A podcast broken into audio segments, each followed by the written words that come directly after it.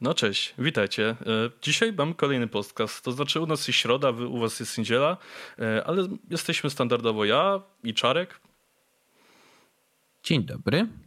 I cóż, e, na początku chciałem przypomnieć, że nasza ankieta, e, którą możecie wypełniać, nadal trwa, e, więc jeśli ktoś z Was tego nie zrobił, to, to zapraszamy cieplutko, bo już mamy zebranych na, na dzień dzisiejszy, czyli środę, prawie 400 odpowiedzi. Chcemy trochę więcej, jakby się dało, więc zapraszamy cieplutko. A dzisiaj będziemy robili to, co robiliśmy poprzednio, czyli omawiali jakieś bieżące, mniej bieżące tematy i odpowiadali na Wasze ewentualne pytania, które z tego co wiem się pojawiły. E, tak, mamy kilka pytań od naszych patronów. E, dodatkowo pojawiły się też takie dwa interesujące maile z ciekawymi pytankami, także do tego sobie przejdziemy teraz e, w tej kolejności. Natomiast no, co do omawiania spraw bieżących, to wiadomo, tak, tak, tak. Na luzie jeszcze sobie przejdziemy parę kwestii. Być może on coś nam, nam umknie, no bo nagrywamy to z pewnym wyprzedzeniem, bo nie wiem, czy wiecie, no, człowiek też chce święta przeżyć w spokoju. Tak więc bez przedłużania, po tym jak już niepotrzebnie przedłużyłem, przejdźmy do pytań od patronów. Więc pierwsze pytanie dzisiaj pada od Connecta i brzmi ono tak. Niezależnie jakbyśmy nie chwalili wolnego rynku, i tak jak, e, jak każdy system ma wady. Więc powiedzcie, zwłaszcza Cezary, jak to z tym jest? Czego wolny rynek nie jest w stanie zrobić? Czy dobroczynność rzeczywiście jest skuteczniejsza od pomocy państwowej? AKA, czy jakby zamiast socjalu była jakaś dobroczynność, to czy byłoby lepiej? Bardzo dobre pytania. I teraz tak, czego wolny rynek nie jest w stanie zrobić. E, aż się prosi, żeby zacząć od żartu. A kto zbuduje drogi? Ale po co nam drogi? Przecież będziemy mieli czołgi wszyscy. Dokładnie. Znaczy, wolny rynek alokuje zasoby w oparciu o efektywność. Efektywność, którą możemy osiągać dzięki systemowi cenowemu, który informuje nas o rzadkości dóbr i o zapotrzebowaniu na dobra. Więc czego ten system nie może zrobić, to z całą pewnością nie jest to system, który z definicji może pomóc osobom, które nie spełniają kryterium efektywności. Tak więc na przykład pomoc najuboższym, na przykład w społeczeństwach, które są zubożałe, jest niemożliwa wręcz. No bo będziemy wykorzystywali naszą często jeszcze mierną efektywność, raczej do zaspokojenia innych potrzeb, nim wkroczy, e, nim wkroczymy na poziom, na którym jesteśmy w stanie rozdysponować nasze środki w taki sposób, no, że pomożemy właśnie tym chorym, potrzebującym, niepełnosprawnym itd. Itd. Um, więc to jest ten taki problem z stopniem rozwoju wolnego rynku. To znaczy, w krajach zachodnich dlatego już mówi się o tym, że wolny rynek jest w stanie zapewnić pewne usługi, które zapewnia państwo, bo zwyczajnie i po prostu są to gospodarki wysoko rozwinięte, które mają taką wartość dodaną, nadwyżkową, że no, faktycznie są w stanie to zrobić. Natomiast społeczeństwa, które są zubożałe, niekoniecznie już mogłyby przełożyć to tak po prostu na swój język. Przykładowo, y, weźmy sobie jakiś kraj afrykański, który jest obecnie biedny, ale wchodzi w taki właśnie, na taką drogę dzikiego kapitalizmu, praktycznie bez państwa. No wszystko na papierze brzmi bardzo fajnie, ale w rzeczywistości raczej te środki początkowo nie będą alokowane, żeby pomóc najsłabszym. Raczej będą alokowane, żeby podnieść ogólny poziom życia. Dopiero później znajdą się środki do rozdysponowania na te cele. No i druga rzecz, y, to jest taki argument, który wiem, że jest często przytaczany przez y, środowiska takie właśnie bardziej prosocjalne, wskazujący na to, że wolny rynek musi alokować pieniądze z myślą o jakiegoś rodzaju zysku. Coś w tym jest. To znaczy, nawet jak bogaci pomagają biednym, to zazwyczaj robią to jeszcze przy okazji, nie wiem, promowania swojej marki osobistej albo e, po prostu zyskiwania sobie jakiegoś tam szerszego poparcia wśród ludzi. Nie wiem, czasami na przykład aspirujący politycy mogą bawić się w jakieś akcje pomo pomocy biednym, dzięki temu zyskują sobie na przykład poparcie na najbliższe wybory. No, znamy takie historie, ale Przykładowo też możemy usłyszeć o, nie wiem, celebrytach, którzy wpłacą dużo pieniędzy, pod warunkiem oczywiście, że obok będą dziennikarze i o tym trochę pogadają. Mm, no i tutaj pojawia się taka myśl, że chodzi o to, że czasami trzeba pomóc bez oczekiwania jakiegoś e, wielkiego rozgłosu. No i teraz pytanie, czy tacy ludzie się znajdą? No i ludzie, którzy twierdzą, że potrzebujemy właśnie interwencjonizmu państwowego, to są jednocześnie ludzie, którzy stwierdzą, że nie możemy mieć gwarancji, że tacy ludzie się znajdą. Nie będę już wchodził tutaj w statystykę i prawdopodobieństwa tego, ilu takich ludzi mogłoby się znaleźć, chociaż szczerze powiedziawszy, to żyjemy w kraju, w którym śmiałbym twierdzić, że zbiórki na się pomaga są efektywniejsze momentami od NFZ-u w leczeniu jakichś bardziej zaawansowanych chorób, to Rozumiem skąd taka niepewność i z tego powodu ktoś mógłby powiedzieć, że tutaj państwo jest efektywniejsze, bo państwo przynajmniej może wprost zagwarantować, że na coś te pieniądze pójdą. Oczywiście nie gwarantuje efektywności, ale z perspektywy stabilności społecznej być może taka metoda mogłaby się sprawdzić lepiej, żeby ludzie nie musieli się tym, o to martwić, przejmować, tylko że no dobra, wydajemy te pieniądze. Nieważne jak, ważne, że wydajemy. Więc Moim zdaniem wolny rynek nie jest w stanie zapewnić stabilności państwu w rozumieniu takim, w jakim ono obecnie istnieje i wolny rynek jest systemem, który e, musi się rozpędzić, żeby działać maksymalnie efektywnie. To bym wskazał takie dwie rzeczy. I też było to pytanie o dobroczynność, czy rzeczywiście jest lepsza od pomocy państwowej. Zależy w jakiej skali to analizujemy, bo będą państwa, które się dopiero rozwijają i tam ta pomoc prywatna będzie po prostu mała, bo, bo jeszcze ludzie nie są bogaci ale z drugiej strony znajdą się też państwa, w których no, patrz Polska, system pomocy zdrowotnej jest w tej chwili w zapaści e, i pandemia tylko to jakby uzewnętrznia. W związku z tym e, w związku z tym śmiałbym tutaj twierdzić, że pomoc prywatna jest o tyle skuteczniejsza, że jest efektywniejsza, że te pieniądze są lepiej, konkretniej alokowane i nie są zżerane przez aparat biurokratyczny. Więc to jest to pytanie, to jest to pytanie, czy chcemy po prostu mieć gwarancję, że gdzieś tam pieniądze są i będą wydawane, czy chcemy raczej je wydawać efektywnie? I to jest najczęstszy argument właśnie wolnorynkowców. Dobroczynność prywatna jest lepsza, bo jest efektywniejsza. I o to się to rozbija. Bo jeżeli chcemy po prostu wywalać kasę, to, to tak, to państwo może być w tym dużo lepsze, ale nie wiem, czy to jest najlepszy miernik efektywności. O, dobrze. Co, co tu dużo mogę dodać? No, no tak, no. Znaczy, śmieszy mnie osoby, które mówią, że jak będzie wolny rynek, to wszystko się rozwiąże, będzie zajebiście. Jakby nie. Po prostu będzie inaczej.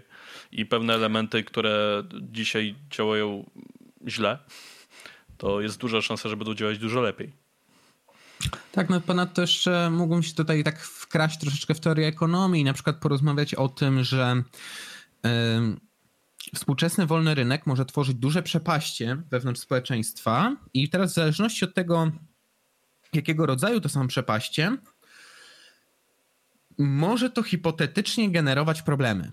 To znaczy, jeżeli na przykład całe społeczeństwo ma dostęp do kształcenia wyższego i do jakiejś ogólnej pomocy e, zdrowotnej, która jest w założeniu efektywna, e, i są jakieś tam różnice dochodowe, to naprawdę pół biedy. Ale jeżeli mamy społeczeństwo, w którym tylko część ma dostęp na przykład do studiów wyższych, które dzisiaj są wręcz no, może nie to, że niezbędne, ale wymagane przez rynek pracy, żeby tam na przykład jakieś, y, piastować jakieś e, urzędy, stanowiska i tak dalej, i tak dalej, no to wtedy mamy problem, bo część ludzi nie może awansować po drabinie społecznej. To może nam zdusić wzrost gospodarczy w dłuższym okresie. Taka patologia mogłaby się wydarzyć. Chociaż to jest często też powiązane ze sferą polityczną, z jakimiś tam blokadami na przykład ze związków zawodowych albo prawodawstwa dotyczącego rynku pracy, to to jest trochę bardziej złożona kwestia. Ale tak samo, nie wiem, z pomocą zdrowotną. Jeżeli e, wykazało wiele badań e, ekonomicznych, że jeżeli pomoc zdrowotna nie jest rozłożona równomiernie po całym społeczeństwie, to ta część społeczeństwa, która nie ma dostępu do pomocy zdrowotnej, ma ogromny problem, żeby mhm. przeskoczyć na bycia klasą na przykład średnią, tak? I to może powodować też blokady pewne w systemie, więc można by wskazywać też takie argumenty, do, do nich jest mi już dużo bliżej niż do twierdzenia, że e, za wolnego rynku będzie głód i umieranie pod płotem, tak? Bo, bo państwo nie zapewni. No, Śmiałbym twierdzić, że raczej będzie trochę inaczej, ale tak wskazuje są ekonomiczne argumenty na przykład za tym, żeby korygować wolny rynek. Tak najczęściej właśnie ekonomiści, którzy takie twierdzenia wysnuwają, twierdzą. Uff, dobrze. Mm, to może przejdźmy do kolejnego pytania. To tym razem jest od Pabiego. Jak już jesteśmy w temacie wolnego rynku, czy uzasadniona byłaby fizyczna likwidacja przeciwników politycznych w celu wprowadzenia prawdziwego wolnego rynku? To znaczy, jakie według Was są granice w sposobie wprowadzania lepszego systemu gospodarczego lub społecznego? Na pewno po jednej stronie granicy jest pan Pinochet. Znaczy, ja, ja, wiem, do czego to jest picie. Ewidentnie tutaj jest. Yy, słychać po prostu, wiesz, te, te śmigła helikopterów w tle. Powinienem sobie w sumie so, sodą puścić w tło w takim razie. Ale wracając do jakby sedna. Jakie są granice? Powiem tak, jeżeli stworzysz system, który jest skrajnie autorytarny, to systemy autorytarne mają to do siebie, że utrzymanie władzy staje się tam delikatnie rzecz ujmując problematyczne. Znaczy, jako że jedna osoba ma tak dużą władzę, to wiele innych osób jest gotowa podjąć większe ryzyko, żeby przejąć tej osobie stanowisko. I dlatego w wielu państwach, w wielu ustrojach totalitarnych mogliśmy często usłyszeć o tym, że no, w obozie władzy bardzo często dochodziło do jakichś sporów. Jasne, Stalin na przykład wszystkich trzymał za mordę, że tak się wyrażę, i, e, i budował raczej system oparty o terror, ale wszyscy jego następcy już musieli dużo bardziej pilnować swojego stołka, bo tam bez przerwy chcą im coś podmontować. Zresztą popatrzmy na historię PZPR-u, który też no. był mocno autorytarny i tak naprawdę powinęła ci się raz noga i już był ktoś na twoje miejsce.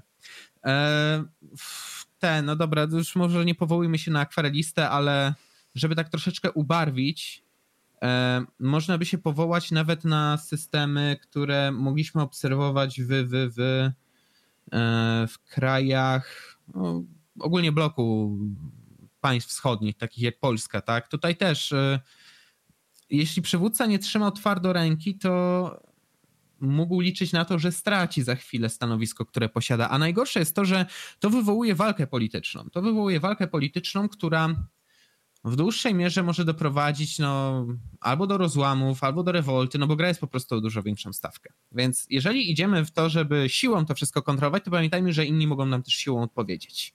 Więc z całą pewnością nie chciałbym budować systemu gospodarczo-politycznego opartego o siłę. Bo to jest system, w którym zbyt wielu mogłoby się czuć pokuszonych o to, żeby no tak, tak, tak niby wszyscy tacy, mm, okej, okay, ale, ale te władze to by sobie tak chętnie przejęli.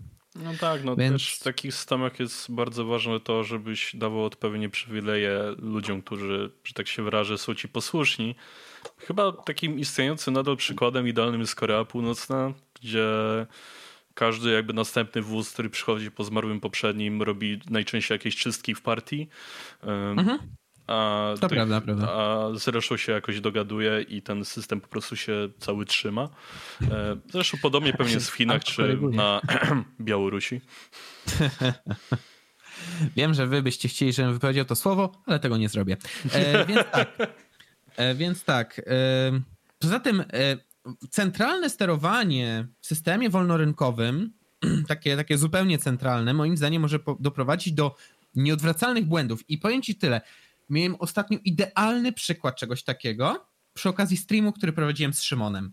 Mhm. Rozmawialiśmy sobie po, na początku tego streamu na temat y, legalności i efektywności lockdownu, tak? Skończyliśmy temat, zazwyczaj jest tak, że kończymy taki temat w jakieś 40-60 minut i resztę streama opieramy o pytania. No i nagle się okazało, że pytania nie wpadają. W sensie ty mi coś tam dosyłałeś z czatu, ale nic tak. nie wpadało na donatach.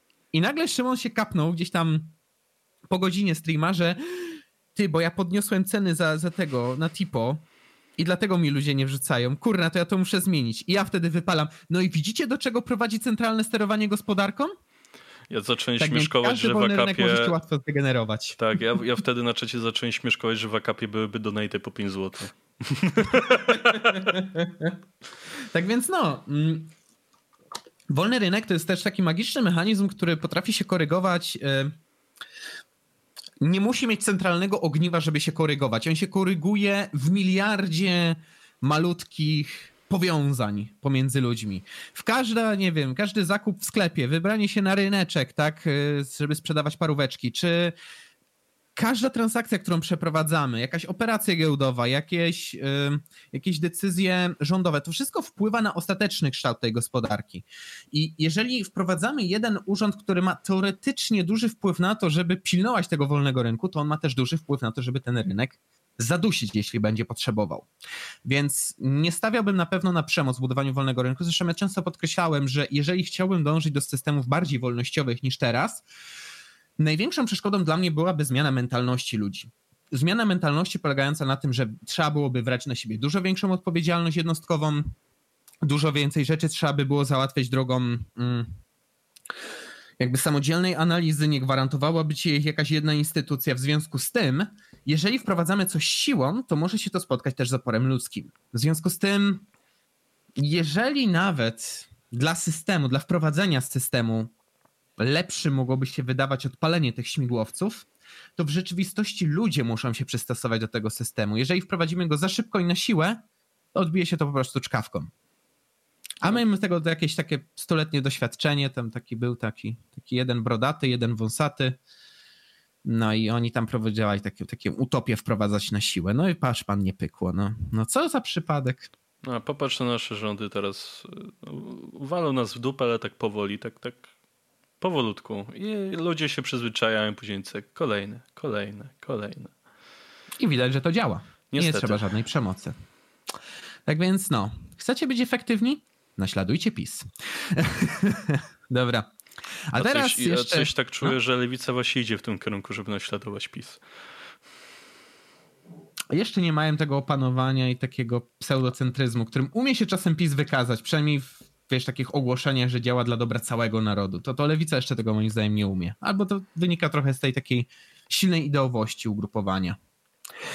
Um, dobra, ale teraz zejdźmy może na trochę lżejszy temat, bo jest jeszcze jedno pytanie od naszego patrona Rumcajsa, które brzmi: Jak doszło do tego, że Magik i Jan Paweł II trafili wspólnie na memy? Dawidzie, oddaję ci głos. Dziękuję, Czarku. Proszę. Nie no, powód dlaczego do, te, dlaczego do tego doszło jest bardzo prosty. Chodzi o genezę w ogóle, dlaczego pojawiły się memy z papieżem i z magikiem. I obie te genezy są dokładnie takie same.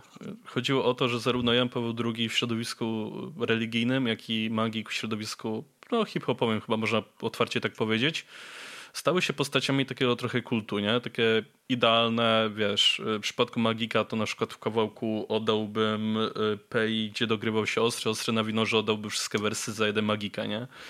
Więc ten kult, że Magik był przezajebistym raperem, układał zajebiste rymy y, i w ogóle mhm. Król hip-hopu, legenda, y, no trzeba mu oddać, że jest legendą hip-hopu, ale z drugiej strony no, był taki okres, gdzie do Magika, brzydko mu zwalono konia naprawdę bardzo mocno. I mhm. był oddany takim kultem niemalże jak Jan Paweł II w środowisku religijnym, gdzie nie można było powiedzieć nic złego na temat Jana Pawła II, bo on na pewno był święty, na pewno był najlepszy i w ogóle się módlmy do niego. E, i, i no i na pewnym forum obrazkowym, którym powstało w 2009 roku, którego nazwy nie wymienię, bo byłoby fajnie dostać zlewów na mieszkanie. Mhm. E, powstały memy no, z papieżem pierwotnie i zrobiono je oczywiście z tego powodu, że Jan Paweł II był brany za kult totalny e, i żeby wkurzać tych katoli, najpierw robiono lekko cenzopapę, później coraz bardziej harde przesuwając tą granicę. No i zauważono, że w sumie z magikiem to jest tak samo e, i że też można wkurzyć ludzi, a a co dwie głowy to nie jedna, może zamiast dwóch os jednej osoby wkurzmy dwie osoby, albo jeszcze więcej osób, wkurzmy w ogóle dwie grupy naraz. E, no i rozpoczęto robić memy wspólnie, gdzie jest papież i magik i w efekcie wkurzano wszystkich. To znaczy, no, tak jakby miał analizować powstanie tych memów i to, jak doszło do tego, że się pojawiło razem, to by wnioskował, że raczej to spowodowało, że, sta, że oni obaj się zaczęli pojawiać na tych memach, filmach i wszystkim, co z tym związane. E, no, no i tak już zostało, nie? I się stało to mhm. po prostu klasyką, bo chyba nie ma dwóch bardziej kultowych postaci, patrząc na historię Polski od upadku komunizmu, jak papież i, i magik jeśli chodzi o jakąś popkulturę i tak dalej. No, myślę, że byłoby ciężko znaleźć.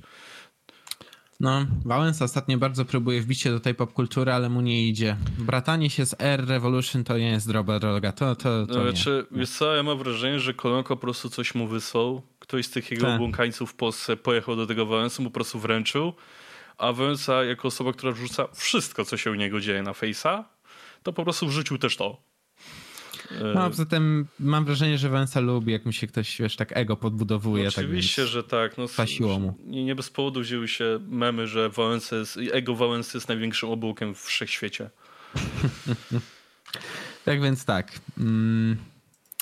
Po wyjaśnieniu tej historii pięknie dziękujemy wszystkim naszym patronom za pytania. No i przejdźmy może do naszego maila i przejdźmy do pytań, które znalazły się mm, tam. Więc pierwsze pytanie, jeżeli pozwolisz, e, rzucę od e, mm, polemizatora. Mhm. Hej, dzięki Wam zainteresowałem się bardziej ideami wolnościowymi. Ostatnio miałem trochę kontrowersyjną rozkminę, jak może wyglądać kultura w społeczeństwie libertariańskim lub w państwie minarchistycznym, że o AKP nie wspomnę. Z jednej spodziewałbym się, że będzie bardziej zróżnicowana, ponieważ ludzi nie ogranicza państwo. Może więc powstawać więcej form ludzkiej relacji i ekspresji jednostki. Z drugiej strony, brak działań państwa, które zapewnia bezpieczeństwo, oznacza oddanie sił rynku, czy nawet szerzej, sił teorii gier. Państwo przestaje zajmować się życiem obywateli, na przykład państwo nie daje zasiłków, nie dba o edukację dzieci ani młodzieży, nie daje emerytury, ani nie pomaga w leczeniu. W takich warunkach ważniejsze mogą się stać związki międzyludzkie, ponieważ do nich e, przepraszam, od nich może zależeć czyjeś życie, dosłownie. Zastanawiam się, czy w takich warunkach niektóre formy organizacji społecznej wyginą lub staną się marginalne, inne lub nawet może jedno staną się dominujące. Na przykład po odebraniu małżeństw państwa będą powstawać yy, związki opierające się na umowach e, E, przepraszam, opierające się na umowach związki poliamoryczne, które nie będą uprzywilejowane względem związków monogamicznych. Jednakże może się okazać, że któraś z tych form lepiej sobie poradzi w sytuacji, gdzie jednostka może liczyć na siebie, na innych ludzi, ale nie na państwo. Sądzicie, że to dobry tok myślenia? Jeśli wniosek jest to słuszny, to czy libertarianie mogliby pozyskać konserwatystów lub lewicowców, najlepiej obu, dla swoich pomysłów? Można by rzucić argumentem w stylu etatyzm odbiera naszą wolność i osłabia nasze wartości, pozbądźmy się etatyzmu. Ewentualnie, czy można takie myślenie zaszczepić w głowie Kaczyńskiego poprzez Incepcję albo chip w szczepionce XD. Wesołych świąt wszystkim, polemizator. Dziękujemy bardzo za maila i powiem szczerze, moim zdaniem w tej wypowiedzi jest ujęta taka jedna inherentna cecha libertarian, która była mocno podkreślana w dziełach Rothbarda. Rothbard bardzo lubił mówić o tym, że libertarianizm nie powinien być ani prawicowy, ani lewicowy. To jest taka idea gdzieś pomiędzy. W związku z tym powinna przyciągać każdego, kto po prostu ceni wolność, niezależnie od tego, czy ma trochę bardziej konserwatywne, czy bardziej liberalne odchylenie. I teraz tak. Ja mógłbym chyba tak trochę streścić, ale być, być może trochę tutaj upraszczam przesadnie całą wypowiedź, y, że jaka kultura, jakie formy relacji wewnątrz tej kultury zatriumfują, to rynek, rynek zdecyduje, rynek zweryfikuje trzeba by powiedzieć. No bo mm, jak mieliśmy tutaj ten przykład małżeństw, tak, monogamicznych i poliamorycznych. I one, mm, każdy mógłby sobie wchodzić w taki albo w taki. Ale być może po pewnym czasie okazałoby się, że w związkach poliamorycznych, przez to, że no, można polegać na kilku osobach, jest mniejsze zaangażowanie w relacje. W związku z tym monogamiczne okazują się efektywniejsze, albo na odwrót. Związki poli poliamoryczne okazują się relacjami, w których przez to, że więcej osób może wziąć sobie po prostu na barki więcej albo przeżywa mniejszy stres w związku z braniem tego na barki, no to łatwiej jest im po prostu funkcjonować w takiej relacji dłużej. Nie, nie chcę tu przesządzać w tej chwili. E, mam tam jakieś swoje odchylenie w tej kwestii, ale nie, nie, nie jest to tutaj ważne dla tej rozkminy.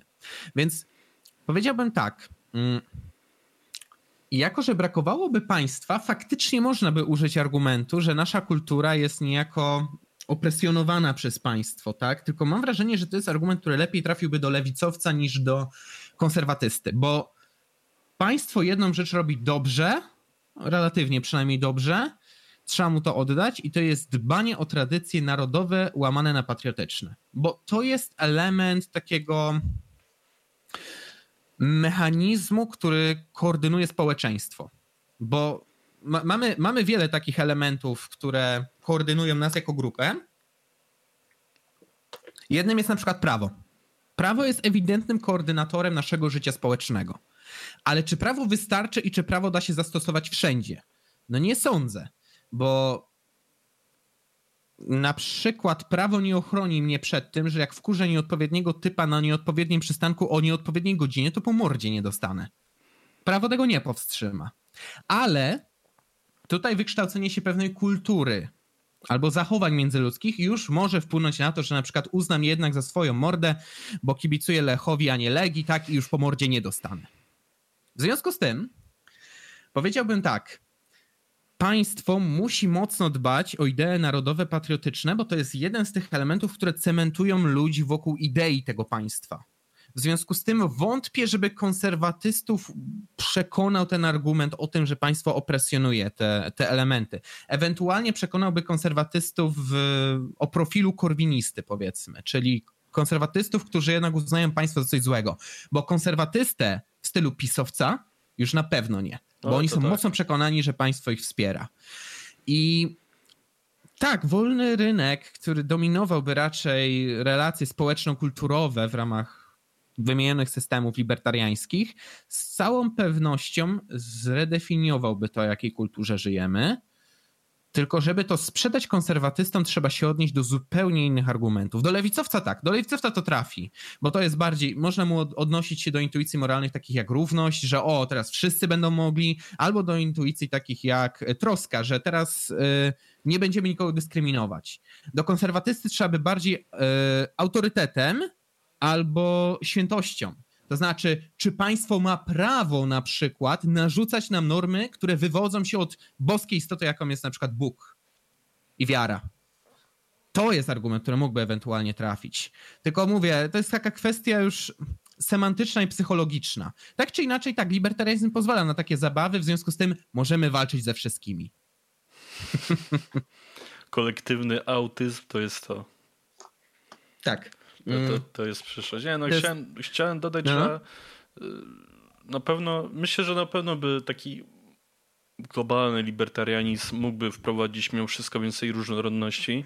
Założę się, że na pewno nadal by pozostały takie powiedzmy małe kultury regionalne typu na przykład Beskid Wyspowy, tak jak opowiadał Robert Makłowicz, że tam są górale tacy miejscowi i gdzie jest miejscowa kultura, e, czy też jakaś kultura związana ze Śląskiem, z górami, z jakimiś innymi regionami, gdzie są jakieś no, regionalne rzeczy, nazwijmy to po imieniu. Związane, tak, mhm. tak, lokalne. Myślę, że ta lokalność mogłaby się dużo bardziej zwiększyć i pod tym kątem wiele krajów mogłoby być albo stać się dużo bardziej różnorodne niż były do tej pory bo w Polsce nadal mamy te niektóre tak regionalne obszary typu Kaszuby, Mazury, właśnie te góralskie mhm. obszary i nie zdziwiłbym się, gdyby ta lokalność, ta różnorodność związana właśnie z tym regionalizmem zaczęłaby się jeszcze bardziej zwiększać niż do tej pory. E, mhm. A co by się działo pod kątem globalnym, ciężko powiedzieć, bo jeśli byśmy wprowadzili brak państwa, że tak to ujmę, i czysto hipotetycznie przyjmując, że nikt by nagle nie zaczął zagarniać dużej ilości terenu, mówiąc, że teraz ja wami rządzę, to mhm. nie mielibyśmy na przykład praw patentowych, co też by spowodowało, że korporacje miałyby bardzo ciężki kawałek chleba do zgryzienia nagle. I pod kątem myślę, że również technologicznym e, czy społeczno-technologicznym też byśmy się znaleźli w zupełnie nowym miejscu. E, I pytanie, jakie zjawiska by w ramach tego zaczęłyby się pojawiać i jakby też wyglądała sama technologia, czy nadal byśmy mieli wszystko licencjonowane, czy nagle by na przykład open source zaczął na pełnej wjeżdżać, wiesz, w świat technologii mm -hmm, i wszystko by się tak naprawdę wywróciło do góry nogami. Ciężko tak naprawdę określić, co by się działo, ale na pewno byłoby ciekawie. W sumie to jeszcze podsunąć taką jedną myśl, że um, jak, jak wspomniałeś o tym regionalizmie, to ja bym może troszeczkę jeszcze zmodyfikował tą moją końcową wypowiedź. To znaczy, lewicowca przekonasz różnorodnością, zwiększeniem różnorodności, natomiast do niektórych konserwatystów mógłby jeszcze trafić taki argument, że um, nasza, znaczy inaczej, ta tradycyjność może byłaby podzielana przez mniejszą ilość osób, ale za to byłaby dużo głębsza, dużo taka, wiesz, na taką konserwatywną, tradycjonalistyczną postawę decydowaliby się tylko ci, którzy naprawdę w to wierzą i naprawdę chcą do tego kontrybuować, więc jeżeli ktoś się naprawdę czuje tym kaszubem, czy, czy góralem, czy, czy kimkolwiek innym, to faktycznie by nim był. I zaznaczyłeś właśnie jeszcze tą kwestię praw patentowych. Nie decydowałby o tym żaden papier, bo na przykład mm. teraz na niektóre potrawy regionalne trzeba mieć papier Unii Europejskiej, tak. żeby, to, żeby to było uzasadnione, certyfikowane. No, znaczy, Tymczasem teoretycznie wprowadzono to z tego powodu, żeby potrawy regionalne rzeczywiście były tworzone w regionie. Ale to Ale wiadomo, o... jak to jest z Unią, nie? Tak. Nie chodzi, nie chodzi zresztą tylko o to, że one muszą koniecznie powstawać w danym miejscu, tylko moim zdaniem według konkretnej receptury i według ludzi, którzy rozumieją tę kulturę, te tradycje. I no cóż, mam wrażenie, że rynek lepiej zweryfikuje, na co jest zapotrzebowanie. I prawda jest taka, że jak jeszcze nie było Unii, te potrawy regionalne, jasne, że podrabiano je w wielu miejscach, ale ludzie też byli dokładnie świadomi, gdzie można kupić te droższe oryginały. Jeżeli mm. ktoś tylko chciał, był w stanie pojechać. Zresztą jak ja jeździłem za dzieciaka właśnie gdzieś tam na południe Polski, e, ja, ja pamiętam, że mój ojciec, on mógł on mógł e, cały czas łazić za jakimiś tanimi oscepkami, tam nie wiem, po krupówkach, ale jak trzeba było kupić coś takiego dobrego do przewiezienia do rodziny, dokładnie wiedział, gdzie jechać i ile kasy wyda. To, to było wiadomo z góry. Znaczy wiesz, no, jestem zdania, że ten, ten ból dupy o te rzeczy regionalne wziął się chyba właśnie z oscypków głównie. Chyba tak. Bo, Chyba tak. Bo wiesz. Z tego był niezły biznes w sumie. No tak, bo wiesz, byli ci, co walili sobie konia do tego, że oni robią to sypki oryginalne, prawdziwe i o, e, o, o. A nagle są ci, mhm. co robią te podróby, te taniochy z podproduktów, które, czy tam półproduktów, które są do dupy i oni zgarniają mhm. 10 razy więcej niż my, bo ci turyści to przyjdą do nich, bo jest tanio, bo Polacy, mhm. E, a nie do tych, gdzie jest drożej, bo, bo wykonują to oryginalnie. myślę, że to stąd głównie wziął się ten ból dupy o te o bronienie tych regionalnych przepisów, receptur i tego wszystkiego, co jest z tym związanego. Tak więc tak podsumowując jeszcze może tutaj tą, mhm. tego maila Killwatera, czyli no, poemizatora, to, to powiedziałbym tutaj, że e, wolny rynek mógłby zweryfikować bardzo wiele i nas zmienić bardzo wiele, ale jak go sprzedać konkretnym grupom, to jest już zupełnie inne pytanie i tutaj myślę, że musielibyśmy się rozbić o intuicje moralne Haidta, żeby na to w pełni odpowiedzieć, ale przyznam, że to jest bardzo ciekawy tok myślenia, Mam nadzieję, że podsunęliśmy tutaj też jakieś jeszcze może dodatkowe punkty zaczepienia e, w zakresie, e, w zakresie tej kwestii. I jeszcze dostaliśmy maila od Karolusa, dobrze pamiętam. Mm, tak, mam tu też otwartego maila, e, tego maila, mhm. więc mogę go przytoczyć. Mail brzmi tak. Witam serdecznie i cieplutko w ten ważny tydzień. Kieruję do Was dwa pytania, które się trochę łączą. Pierwsze, co uważacie o państwie wiel wielomskich, Adam i Magdalena, o, i o ich tezie, że państwo narodowe jest naturalnym sojusznikiem mniejszej i średniej burżuazji, a globalizacja przyjacielem monopolu korporacji. Kłóciłbym się z tym. Też mocno. bym się bardzo mocno kłócił. E, moim zdaniem właśnie przyjacielem korporacji może, znaczy inaczej, to nie jest kwestia państwa narodowego ani globalizacji, to jest kwestia tego, jak to jest uwarunkowane prawnie, a niestety żyjemy w systemie, który można nadużyć systemu wolnego rynku poprzez to, że na ten system jest nałożona nakładka pod tytułem prawo patentowe. I to korporacje potrafią nadużyć zdecydowanie mocno. I Tutaj nie ma znaczenia, czy znajdziemy się w państwie, które jest mocno globalistyczne, czy mocno narodowe. W sensie, chyba że założeniem państwa narodowego miałoby być to, że nie wiem, nie uznaje praw patentowych, ale moim zdaniem to nie definiuje, to, to nie jest element definicji państwa narodowego, więc nie zgadzałbym się z tą tezą. Uważam, że jest mocno na wyrost i że państwa narodowe owszem, mogą być bardziej izolacjonistyczne, mogą być mniej otwarte na globalizację, ale to raczej by spowolniło pewne procesy, a nie zagwarantowało, że te procesy nie będą miały miejsca i że nie będą windowane te globalne korporacje w górę. No, technicznie rzecz ujmując, ja mógłbym się teraz tak odważyć na postawienie takiej śmiałej tezy, że takim państwem idealnym narodowym, które powstrzymało, oparło się globalizmowi, jest Korea Północna. Czy ktoś chce żyć w Korei Północnej? No właśnie. Znam osoby, które by chętnie y, chciały tam pomieszkać parę miesięcy, ale to raczej, żeby zobaczyć, jak się tam żyje, nie? Ale. Znaczy, no, no, no. Generalnie y, taka ciekawostka. Y, w chwili obecnej mhm. w Korei Północnej z, z wszystkich jakichś takich wiadomości, które delegają ze świata, prawdopodobnie nie ma w tej chwili ani jednego zagranicznego dyplomaty. Wszyscy wyjechali. Nawet, podobno nawet ambasada Polski jest pusta. Ja powiem tak, no znaczy, to pokazuje taką jedną. No, no.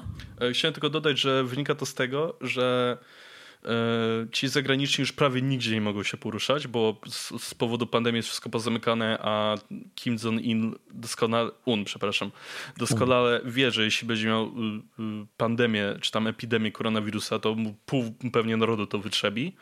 E, a dodatkowo, nie wiem czy wiesz, nie ma możliwości mhm. zrobić przelewu do Korei Północnej, jakikolwiek pieniędzy. Hmm. Więc jeśli chcesz przywieźć, czy nawet wymienić pieniądze na te e, północno-koreańskie wony, to musisz dosłownie przywieźć te pieniądze ze sobą do państwa. A nagle jest sytuacja, gdzie nikt nie może wjechać do Korei Północnej, więc w krótkim czasie e, ambasady przestały mieć jakiekolwiek pieniądze i wszyscy zaczęli w ogóle już wylatywać. Nie? No, I dyplomatycznie myślę, że... Korea jest pusta mhm. właściwie. Nie? Myślę, że to dobrze pokazuje, że globalizacja nie jest dobra ani zła. To jest po prostu proces i może tak. on być wykorzystany słusznie albo niesłusznie. I jasne, on będzie miał pozytywne i negatywne skutki. Negatywne, które się często wskazuje, to jest to, że zamierają właśnie tradycje lokalne, mm, różnorodność jakaś taka kulturowo, estetyczno, nie nawet muzyczna bym rzekł, bo w sumie już muzyka regionalna to jest taka rzecz, która albo trochę wyginęła, albo staje się dodatkiem do muzyki popularnej, tak przykładowo, no nie? E, albo globalizacja może prowadzić do właśnie rozrostu takich wielkich korporacji, nad którymi potem ciężko zapanować. Ale z drugiej strony e, globalizacja to jest też wolny handel, tańsze produkty, dużo efektywniejsza alokacja zasobów i tak na, naprawdę dla nas jeżeli proces globalizacyjny przebiega normalnie, to jest też większa ilość możliwości, no bo naucz się teraz języka i sobie wyjedź, no na przykład w ramach globalizacji, która postępowała w Unii Europejskiej, masz taką możliwość, no. tak? No, a jeżeli ta globalizacja nie ma miejsca, no to, to znowu mam się powoływać na tę Koreę Północną? No, myślę, że nie trzeba, więc nie zgodzę się z tym, że państwo narodowe jakoś miałoby specjalnie sprzyjać y, burżuazji i średniej klasie, bo global... wtedy mogę odpowiedzieć tak, globalizacja to jest proces, który doprowadził do największego rozrostu wraz z mechanizmami wolnego rynku, do największego rozrostu klasy średniej w historii świata. Tak. Więc to nie wiem, to jest dla mnie taki dziwny argument wynikający chyba z nieznajomości wiedzy ekonomicznej przez tego pana, bo ja wiem, że to jest historyk idei, e, znany monarchista, ale e, no pan Adam ewidentnie nie prześledził chyba trendów ekonomicznych przez ostatnich powiedzmy 150 lat. Tak, ja też chciałem dodać, że generalnie dużym przyjacielem jakiegokolwiek monopolu czy dużego wpływu korporacji na, wszystko również jest państwo, nie sam trend globalizacji, bo jest wiele dokumentów, e, filmów dokumentalnych różnego rodzaju lobbingu w USA, lobbingu w Unii Europejskiej, mhm. lobbingu w Polsce, pewnie też. Zresztą, jak już mówisz o państwach, aż się prosi powiedzieć jeszcze o jednym państwie, które przecież yy, też niby jest niby jest dość narodowe, bo trzeba przyznać, że tam tradycje narodowe są bardzo kultywowane, mhm. a jednak nie sprzyja yy, nie sprzyja właśnie średniej klasie, tylko raczej właśnie globalizmowi. Chiny. Tak. Chiny to jest kraj, który bardzo mocno y, wyznaje pewne tradycje, wręcz zmusza do ich wyznawania, inaczej jesteś wrogiem publicznym numer jeden, ale jednocześnie jest to też kraj, który, jakby to delikatnie ująć, no jest to taki kraj, który korzysta z owoców globalizacji, y, znaczy korzysta z tych, tych owoców globalizacji i jak najbardziej chce rozszerzać się tak w takim właśnie, bym powiedział, stylu globalizacyjnym. Tak? Produkty chińskie są dosłownie wszędzie. I co co, co z tego, że są narodowi? I, I tak globalizm to jest dla nich dobry biznes i tyle. To jest zupełnie inna kategoria. No dokładnie. Teraz ostatnio chyba y, jakiś czas temu wyszedł y, ten najnowszy Xiaomi Mi 11 Pro. Sobie z no, ciekawości sobie wszedłem w newsa poczytać, co tam jest i w tej cenie, której oni to proponują, to naprawdę są zajebiste bebechy. E, zresztą ja ci powiem, że teraz jak zdjęto te ograniczenia na Xiaomi właśnie w USA, to w tydzień chyba zanotowali, tak, w tydzień zanotowali chyba, o matko jedyna, 12, e, tak, 12% wzrostu sprzedaży. Tak nagle, znikąd, nie? I te 12% było spowodowane, jak się tam prowadziło jakieś tam badania, analizy, właśnie tym, że Amerykanie w czasie wojny handlowej i lockdownu E, no, stawali się relatywnie biedniejsi i biedniejsi. W sensie ten przejrzeniu na, na, na, na jednego obywatela to chodzi o to, że znaczy na jednego obywatela. Średnio po prostu przez to, że tracili miejsca pracy i tak dalej, no tak jakby biednieli. PKB się skurczyło w skali rocznej, nie? W związku z tym, jak weszła tańsza alternatywa od Chin, to te przekładane czy odkładane od dłuższego czasu pieniądze na jakiś telefon amerykańskiej marki zostały przeznaczone na tańszy produkt Xiaomi, który oferował mniej więcej podobną siłę, nawet jeżeli ma krótszą gwarancję. To przynajmniej działa. Więc ludzie się na to rzucili po prostu. No i no i Xiaomi win, no. No tak, no poza tym w Europie chyba Xiaomi też się całkiem dobrze trzyma. No w Europie musi, muszą być dwa lata gwarancji, bo to prawo unijne gwarantuje. Mhm. Ale naprawdę jak spojrzę na te bebechy tego siomca 11, no gdybym miał wolne 5000 zł, z którymi nie miałbym co zrobić, to, to bym nawet rozważał zakup, jakby mi się obecny telefon już, już wyczerpał pod kątem mhm. E, możliwości. Zresztą jestem osobą, która przez wiele lat kupywała iPhony, ok? I mhm. teraz, teraz obecnie mam Samsunga, przyszedłem na Androida, bo stwierdziłem, że już, już trochę chyba mam dosyć Apple'a. Poza tym, odkąd Smart Jobs, to te telefony bardzo, bardzo przestają mieć tą wartość, którą miały kiedyś. Mhm. Bo kiedyś nie kupowałeś bebechów, bo bebechy to są słabe w iPhone'ach generalnie.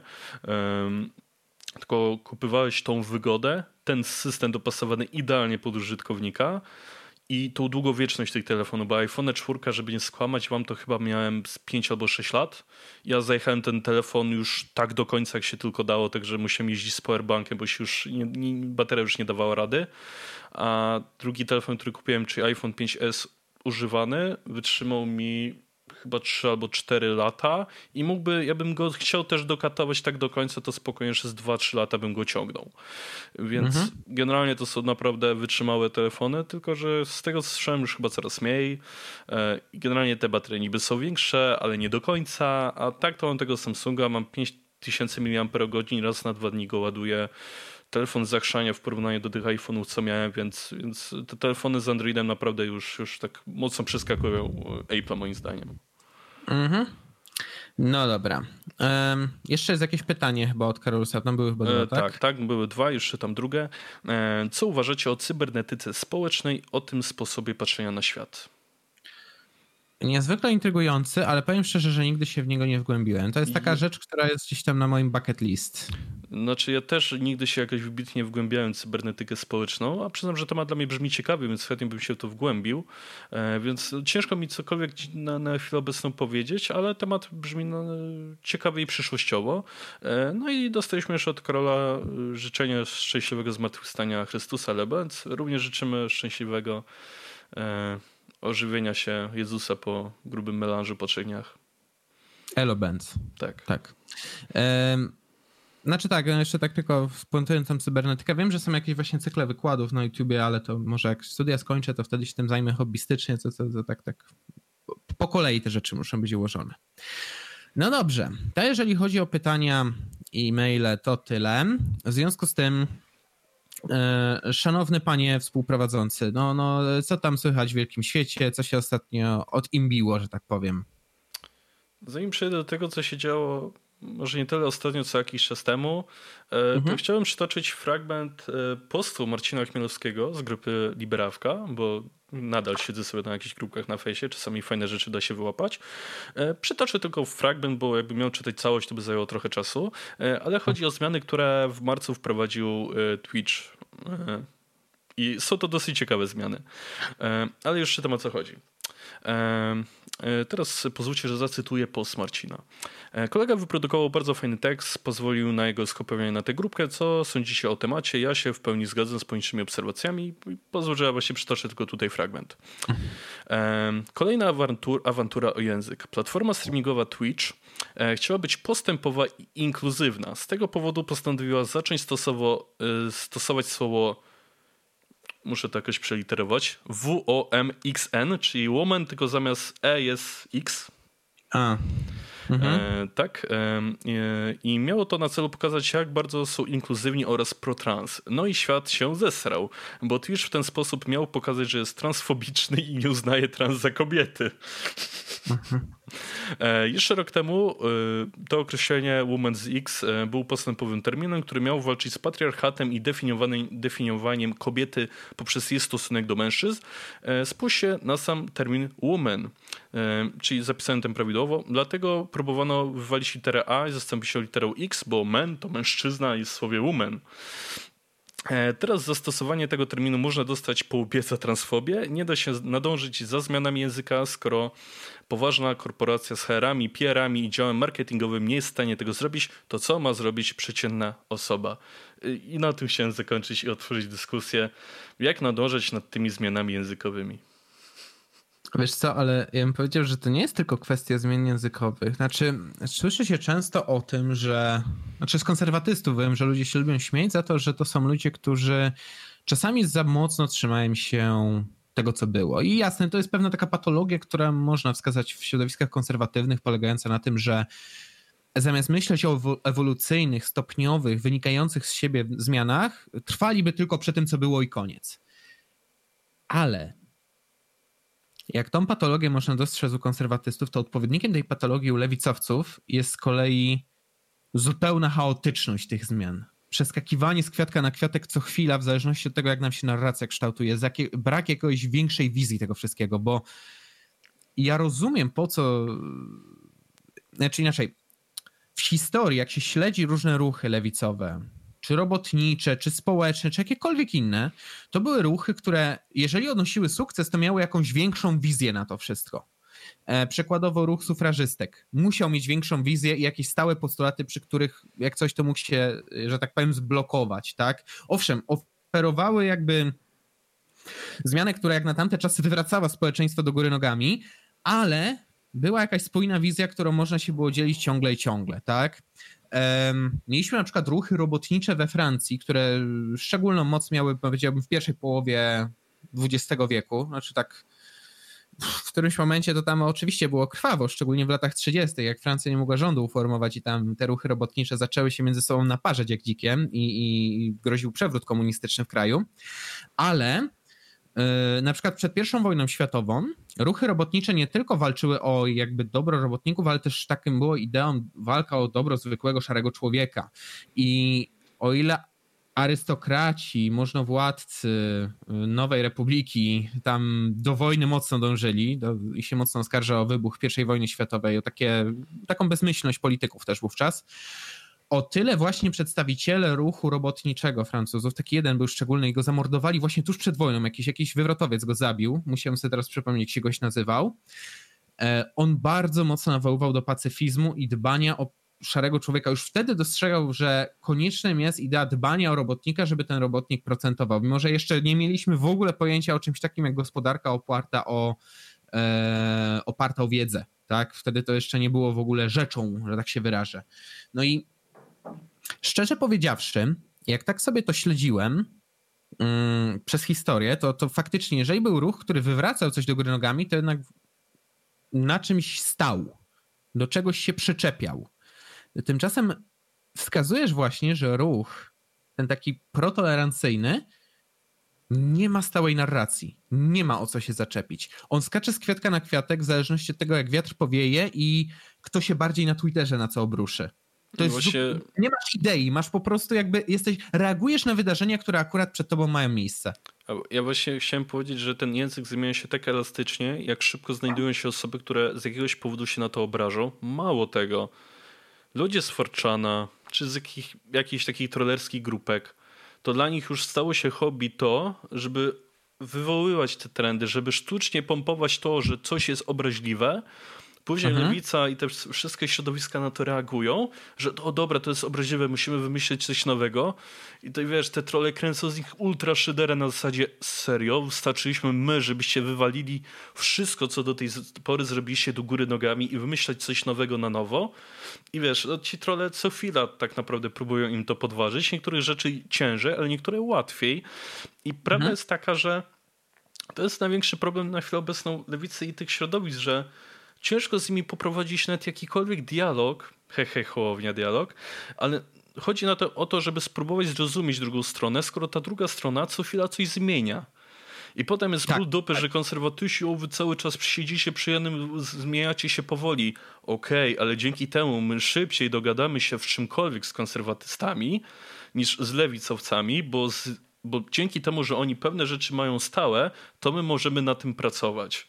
A mhm. tutaj, mhm. gdzie jest wieczna zmiana, to my się nigdy nie dogadamy do czegokolwiek i będzie wieczny konflikt, który będzie się tak naprawdę tylko napędzał i napędzał. I no, no niestety to, że mamy dzisiaj ogromny dostęp do informacji, który poszerza się z roku na rok w niesamowitym tempie, zresztą pandemia to jeszcze przyspieszyła, powoduje, że te różnice i te, te jakby ściany pomiędzy tymi społecznościami będą coraz większe, więc ja bym tutaj nie oczekiwał, że te wszystkie akcje, które robią jacyś aktywiści, jacyś ludzie, którzy mają naprawdę dobre intencje, przyniosą jakiś skutek. Bo ja zauważam, głównie dzięki temu, że słucham sobie tego Radio Nuance, tam jest dużo rzeczy spoza mojej bańki, że tam są robione bardzo często rzeczy od ludzi o poglądach lewicowych dla ludzi o poglądach lewicowych. Jakby to dobrze ująć, na lewicy brakuje takiego Jakuba Wiecha który by zaczął tłumaczyć ludziom z prawicy, jak zrozumieć lewicowców i jak z nimi rozmawiać, przynajmniej w tych tematach, które są w miarę stałe i się za bardzo nie zmieniają. Albo brakuje takiego y, Jakuba Wiecha, który by zaczął tłumaczyć lewicowcom, dlaczego może nie warto co chwila czegoś zmieniać, tylko przyjąć jakieś takie reguły wstępne przynajmniej, nie?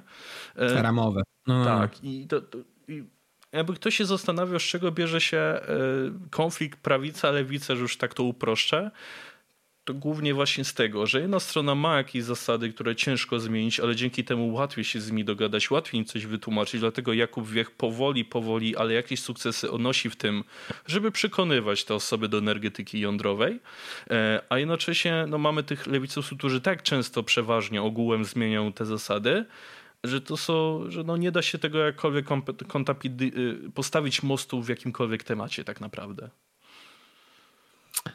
Kurczę. Nie no, bardzo, bardzo słuszna uwaga. Mm. W ogóle mi się od razu skojarzyła taka myśl. Y, my tu czasami poruszaliśmy ten temat dotyczący efektywności politycznej ugrupowań libertariańskich i zawsze wskazywaliśmy ten sam problem związany z ugrupowaniami libertariańskimi. Libertarianie nie są grupą spójną wewnętrznie, oni zawsze się o coś znajdą do pożarcia. W tym też dostrzegaliśmy jakby sukces ugrupowań Korwin-Mikkego, który, jasne, on bez przerwy potrafi coś pieprznąć. I jasne, Oczywiście. to jest człowiek, który nie jest skuteczny politycznie, ale jest dużo skuteczniejszy od libertarian. Dlaczego?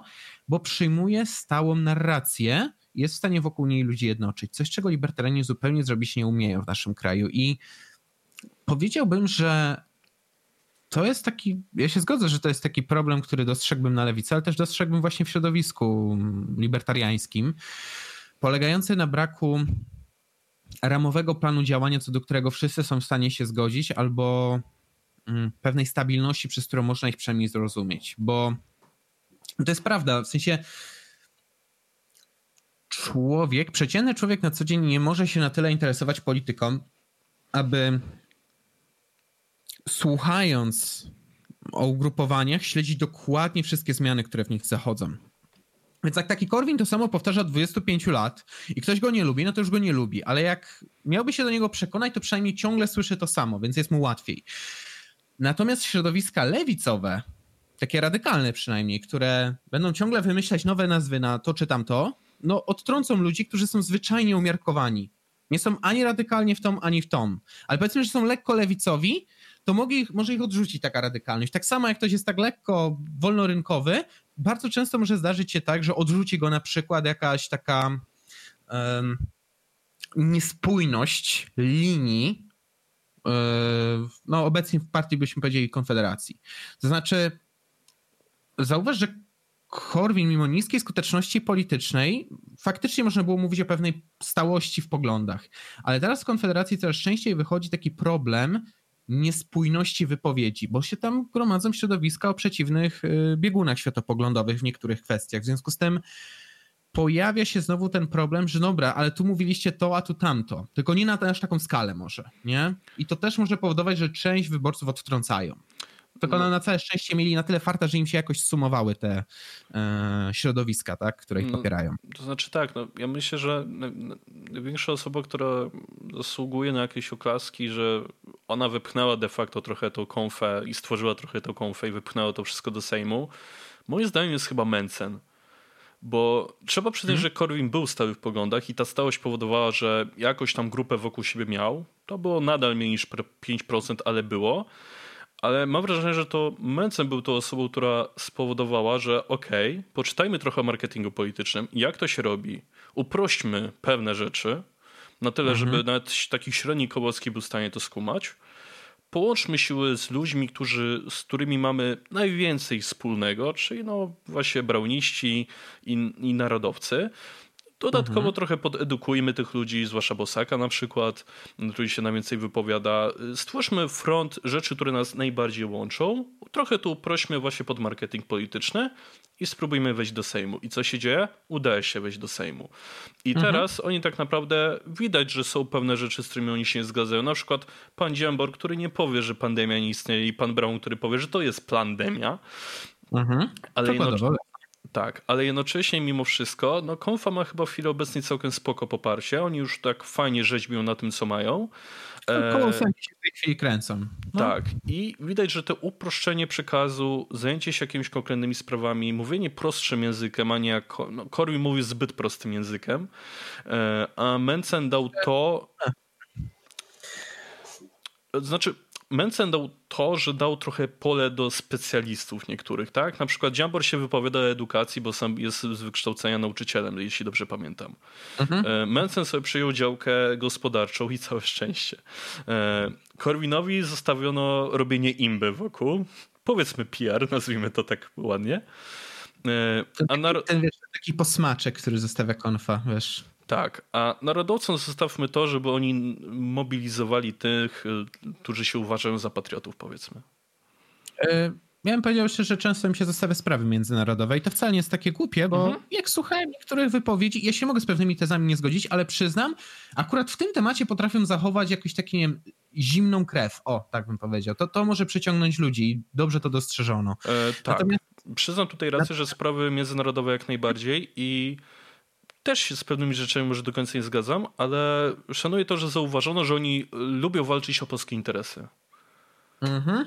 Że no nie, nie oddajemy wszystkiego Amerykanom, tylko dogadujemy się i z Rosją, i z Amerykanami, i z Niemcami, tak, tak. i z jakimś jeszcze innym krajem. I za to, tak, za to rzeczywiście tak, mogę szanować. E, dokładnie. I powiem ci szczerze, no. Y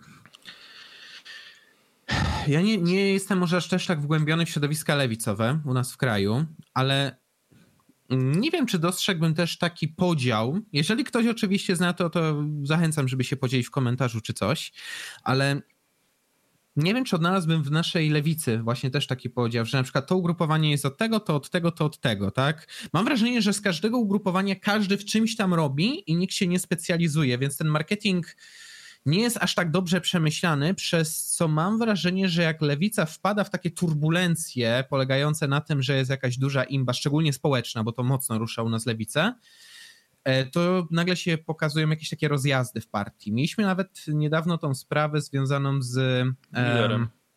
E, z Millerem. E, I jest tak, że część lewicowców go no, wspierała, popierała, no chociażby SL-dowcy, no stamtąd się wywodzi, ale będą tacy, co mówią, no znajdzie się cała należka Millera, tak, e, Razemkowcy na przykład, czy, czy, czy przed, prze, wiosna chyba też, wiosna chyba też tak coś wykazywała.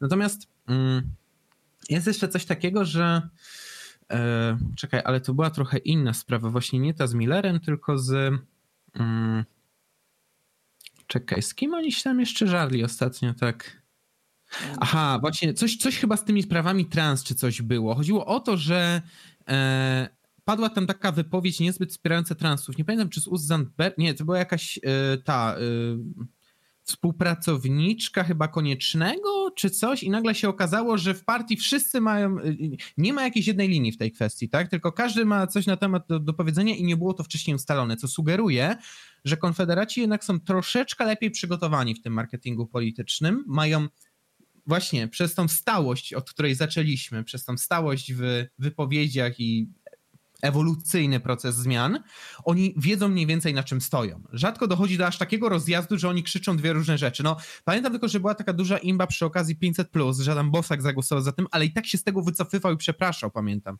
To jest z pewną rzadkością, trzeba przyznać.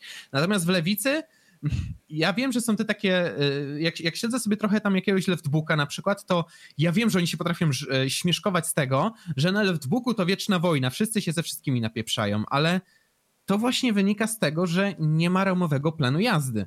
Tylko wszystko się jakby wymyśla na bieżąco i dostosowuje dopiero jak e, po angielsku jest takie ładne powiedzenie shit hits the fan, czyli po polsku byłoby e, w, w wiatrak. No. No, gówno się kręci, tak. Karuzela jedzie dalej, tak, tak. Znaczy, ale nie, to jest bardzo słuszna uwaga, co tutaj tak dostrzegłeś. To znaczy to, że ta, ta nasza e, ta nasza lewica mogłaby wyciągnąć z tego właśnie jakiś taką wniosek, żeby może zdyscyplinować się bardziej politycznie, ale no ceną właśnie bycia trochę bardziej stałym, przynajmniej w ramowych kwestiach, na, na wzór konfederatów. No i to pokazuje też, czego możemy, jakie wnioski możemy wynosić na budowanie ruchów społecznych, że jasne, większą imbę odwalimy, jeżeli będziemy się żarli w momencie jakiegoś takiego, wiesz, zwiększenia się mm, społeczeństwa.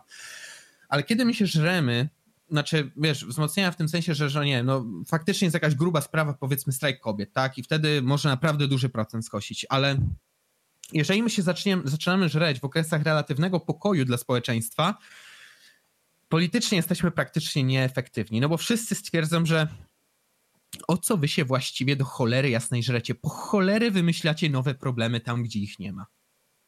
To będzie podstawowa kwestia, która się wtedy pojawi, że znaczy, jesteście niespójni i nieprzygotowani.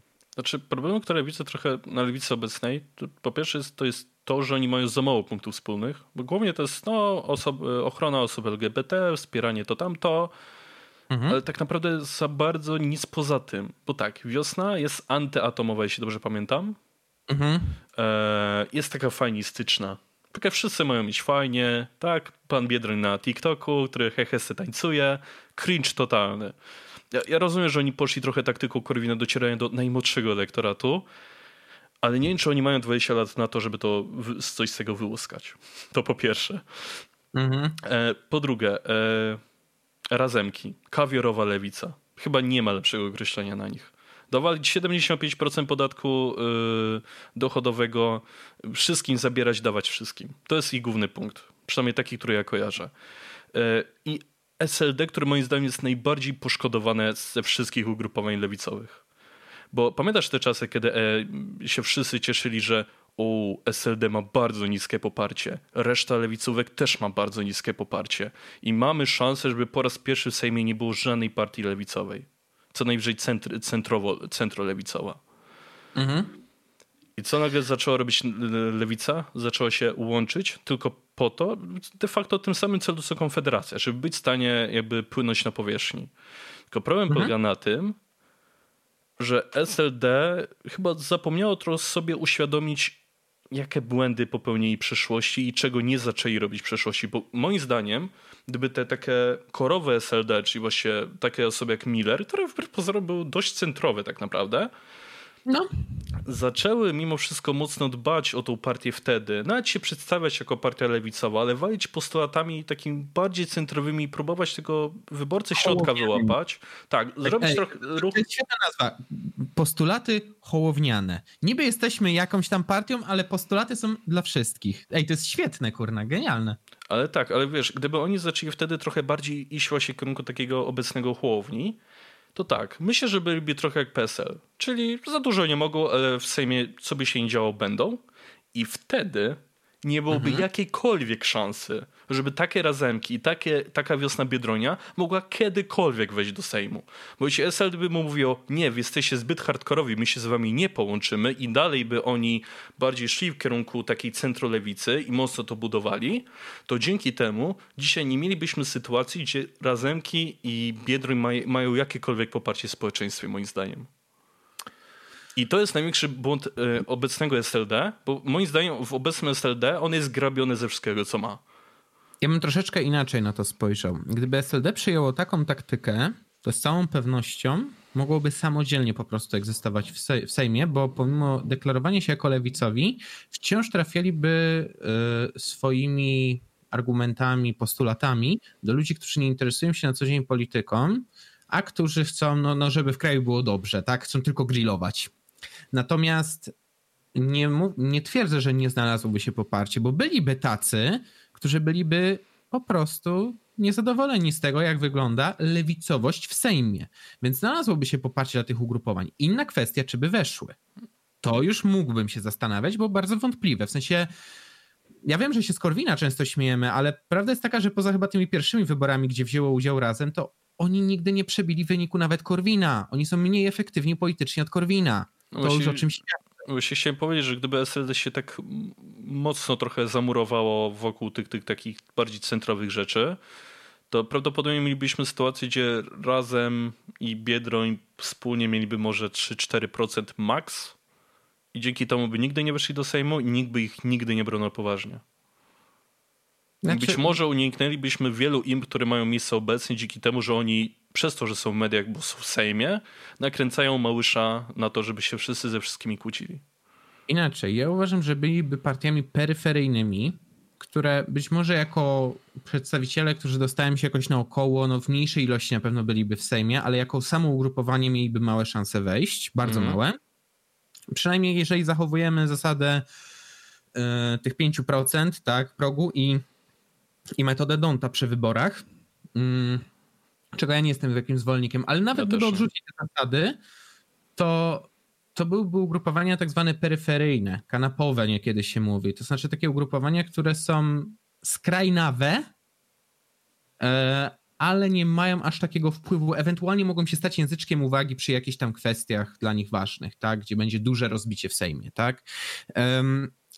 No ale tak, no, w sumie tutaj podajemy taką trochę oczywistość dla znawców politologii zapewne, to znaczy jeżeli ugrupowanie chce budować jakąś siłę polityczną, to naturalnie ciągnie go ku centrum, ciągnie go ku środkowi, no bo tam jest bezpiecznie, tam jest fajnie, tam jest przyjemnie, tam, tam są wybory.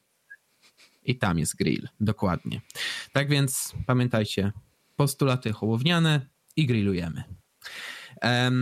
To może z takich tematów rozkmin polityczno-społecznych pozwoli, że na sekundę przejdę do rozkmin ekonomicznych, bowiem znowu trafiłem na niezwykle ciekawy artykuł, w którym e, powiem ci tak, każdy, kto czytał książkę Rok 1984, wie coś o koncepcji dwójmyślenia. To jest koncepcja, w której dana osoba wyznaje dwa sprzeciwiające, znaczy przeciwne sobie poglądy i nie widzi w tym absolutnie nic złego. Ministerstwo Finansów zapowiada podwyżkę podatków. Według niego to nie kłóci się z tendencją do ich obniżania.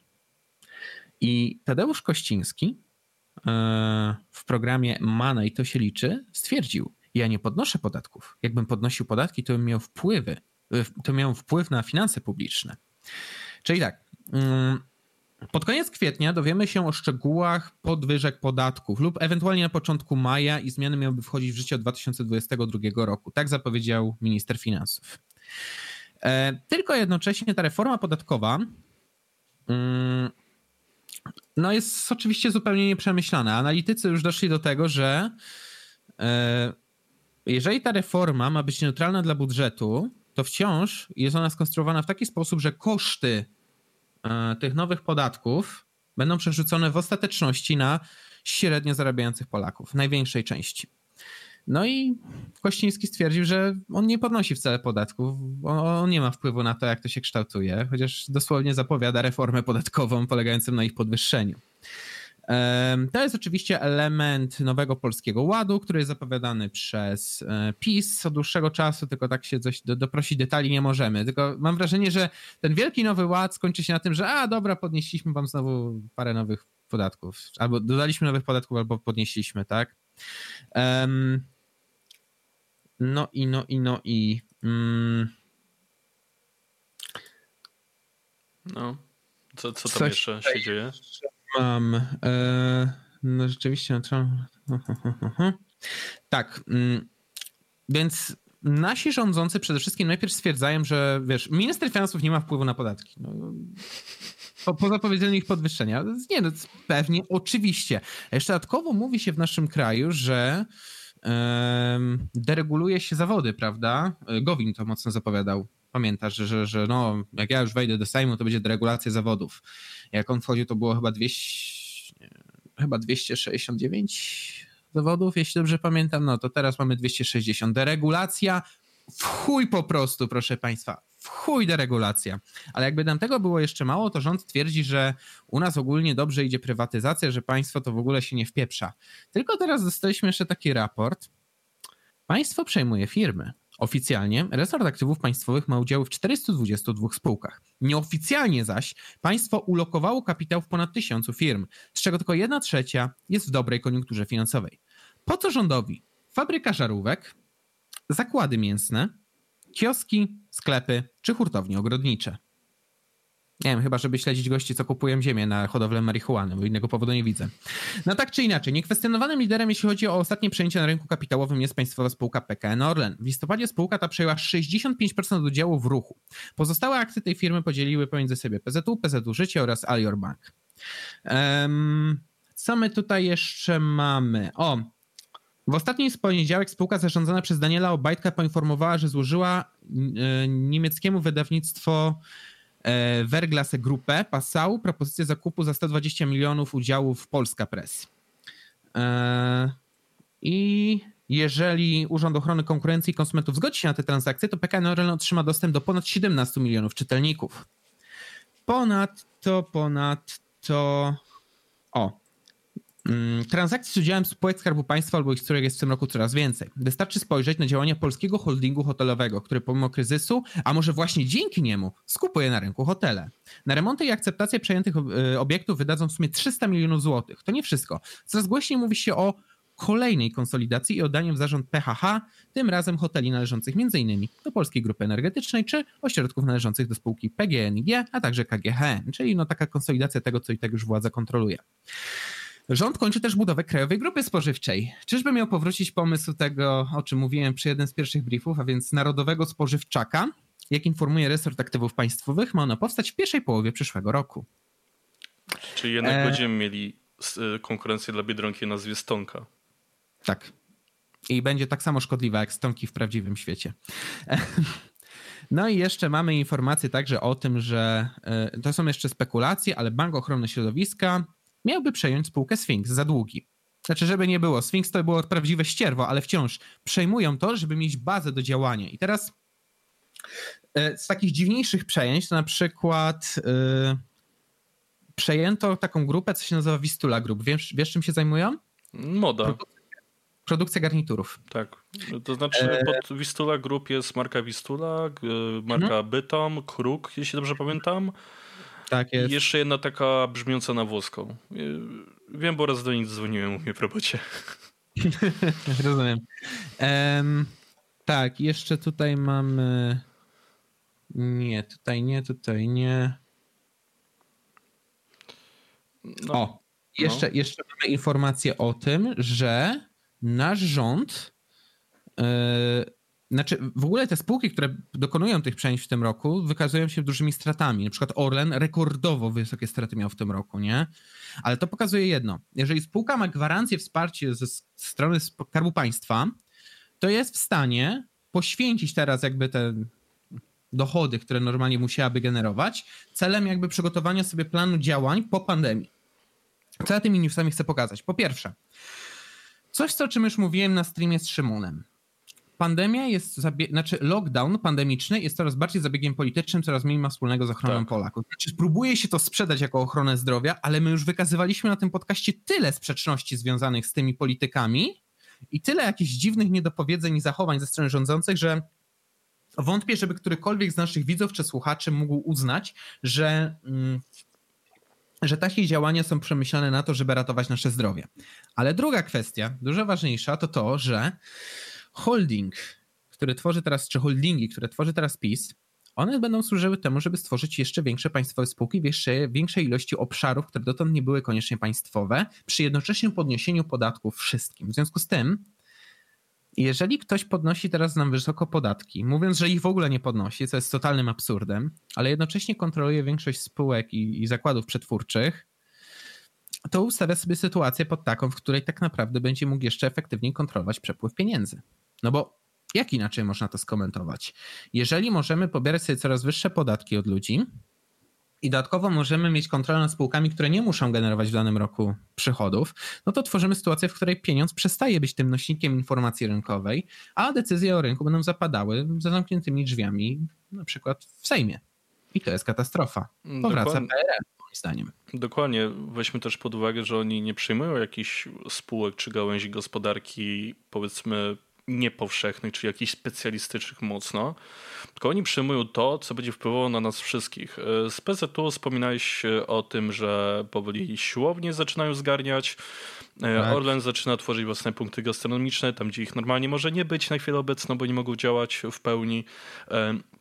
I wszystkie pozostałe rzeczy, które wymienić, no ogrodnictwo brzmi absurdalnie, ale nie oszukujmy się, osób, które muszą coś zrobić w ogrodzie, kupić coś do ogrodu, jest od cholery w Polsce.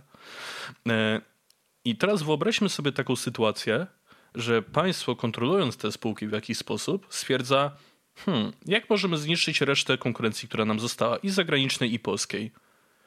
Zaniżmy ceny, a jak się da generujmy straty ile się da, ale tak zarżnijmy konkurencję, żeby Polacy, to że nie oszukujmy się, no większość z nas kieruje się portfelem, mimo wszystko, pójdzie i kupił tego państwowego i w ten sposób doprowadzimy do tego, że te prywatne będą być może upadać dalej, albo będą miały bardzo ciężko i w ten mhm. sposób państwo będą, będzie mogło być może wtedy zagarniać jeszcze więcej. I teraz jak sobie tak siedziałem i ty mówiłeś, tak tak pomyślałem o jednej rzeczy, która się obecnie tak dzieje. I co by było, gdyby Orlen czy jakaś inna państwowa spółka poszła jeszcze w tym kierunku? Bo da się zauważyć, że obecnie CD Projekt Red, ich akcje no, idą tak trochę w dół, bo nie dość, że ogłosili e, wyniki za 2020 rok, no to wiadomo jak Cyberpunk sobie radzi. E, właśnie widziałem już odbicie na giełdzie. Bardzo się odbili po tak? zapowiedzi nowego patcha, więc to jest chybotliwe. Nie patrzmy A, na to okay. co najmniej trzech miesięcy, żeby to coś stwierdzić. Okej, okay, dobra, ale wyobraźmy sobie taką hipotetyczną sytuację, że CD Projekt Red z jakiegoś powodu ma nagły jakiś taki bardziej stały niż i mhm. nagle Orlen czy inna spółka wpadła na pomysł, zacznijmy kupować od nich akcje. I, I zacznijmy dążyć do tego, żeby przyjąć Molocha gamingu w Polsce. CD Projekt, narodowy producent gier. No. Znaczy, tworzą sobie sytuację, w której to będzie ekstremalnie ułatwione w porównaniu do tego, co było, więc wcale bym się nie zdziwił, jeżeli pójdą tą drogą właśnie. I dodatkowo. No bo znaczy... spójrz, jaki to byłby idealny plan. Przejmują strefę konsumencką, czyli to, co kupujemy na co dzień albo raz na jakiś czas. Przejmują strefę informacyjną, bo wykupienie polski, polskiej press grupy to jest de facto dotarcie do wszystkich lokalnych e, gazet i portali, które mamy w kraju i do tego jeszcze przejęcie strefy popkulturalnej, czyli na przykład wykupienie sobie takiego CD Projektu albo przejęcie na tyle duże, żeby móc realnie wpływać na zmiany w firmie. Znaczy, powiem tak, to się oczywiście nie stanie z dnia na dzień i tak oczywiście, dalej. Oczywiście, że nie, ale mówię o takim dalekosiężnym planie PiSu na przykład. Zatem CD Projekt Red, ja bym się o nich nie bał, bo oni się teraz mocno umacniają. Na przykład, nie wiem, czy już słyszałeś o tym, że CD Projekt Red kupił sobie małe, tak, tak. Znaczy małe, małe studio, studio po prostu wydawnicze, bo za 120 milionów z Kanady, więc już się dywersyfikują międzynarodowo coraz bardziej, bo już tam coś chyba mieli wcześniej na Węgrzech albo we Francji, już nie pamiętam. Tak czy inaczej, tak, chodzi o to, że oni będą, tylko wiesz, chodzi o to, że jak oni ustawią tak sytuację, że już kontrolują przyczółki w tych gałęziach, które wcale nie są strategiczne. Bo ja rozumiem, y, y, znaczy rozumiem, ja tego zupełnie nie popieram, ale w myśl ustawy o strategicznych spółkach specjalnego przeznaczenia, te spółki miały być jakby do dyspozycji państwa, żeby odwalić coś specyficznego, niezwiązanego jakby z wynikiem finansowym, jakby coś się działo z państwem, na przykład spółki energetyczne, no bo wiadomo, jak nam na wojnie odetną prąd, no to musimy na przykład zmusić te spółki do pracy mimo wszystko na przykład, tak? Coś takiego.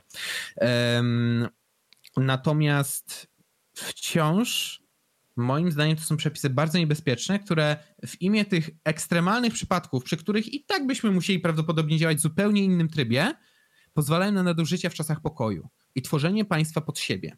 W związku z tym tak, obecnie PiS po prostu przygotowuje sobie sytuację e, krajową pod e, tworzenie takiego mega monopolu, który będzie działał w warunkach quasi-rynkowych. Niby za wszystko płacisz, niby wydaje się, że mechanizm rynkowy działa, ale w rzeczywistości tego mechanizmu nie ma, bo o wszystkim decydują decyzje rządowe, odgórne. No bo jeżeli stracisz, no to co? Z budżetu sobie odbijesz po prostu. Yy, po prostu wiesz, biorąc mm. kasę z budżetu, albo ewentualnie e, narzucając podatki yy, lub dodrukowując pieniądze, w ten sposób na przykład generując inflację. Póki co mamy ją w ryzach, ale dlaczego jej nie wykorzystać jako takiego dodatkowego źródła opodatkowywania bez narzucania nowego podatku? To też można tą drogą pójść tak naprawdę, więc pytanie, na co oni się potem zdecydują, ale no w tej chwili nie spodziewałbym się niczego dobrego po nich, bo wykazywali się, trzeba przyznać PiSowi, wykazywali się dużą zdolnością do mm, robienia biznesu z polityki albo przy pomocy polityki. I to jest po prostu jakby ciąg dalszy tej historii. Dokładnie tak. No, to, co się dzieje obecnie, no, brzmi nieciekawie. Zobaczymy, kto będzie się rozwijało. No cóż, no pożyjemy, zobaczymy. Eee, no to co? Jeśli żyjemy. Mówisz, że jednak dzień sznur jest realną opcją. Bardziej mi chodzi chyba o to, że jak tak dalej będziemy mieli fajnie z prowadzeniem NFZ-u, bo pamiętajmy, że te wszystkie biznesy naszego rządu odbywają się kosztem czegoś, to coś czuję, że umieralność nam nie spadnie nawet jak się skończy pandemia. I to jest niestety bardzo smutna wizja, ale mam wrażenie, że realna. No niestety tak, ale no, będzie trzeba obserwować, co się dzieje. Ale dobra, może przejdźmy do czegoś bardziej optymistycznego. Może, może do sytuacji, z której można trochę podyskutować, trochę się pośmiać. Hej, mamy święta, niech wszyscy mają doła. Ej no, Wielkanoc jest spoko, są babki czekoladowe, Robert Makowicz wydaje filmy na Wielkanoc, o, o daniach na Wielkanoc.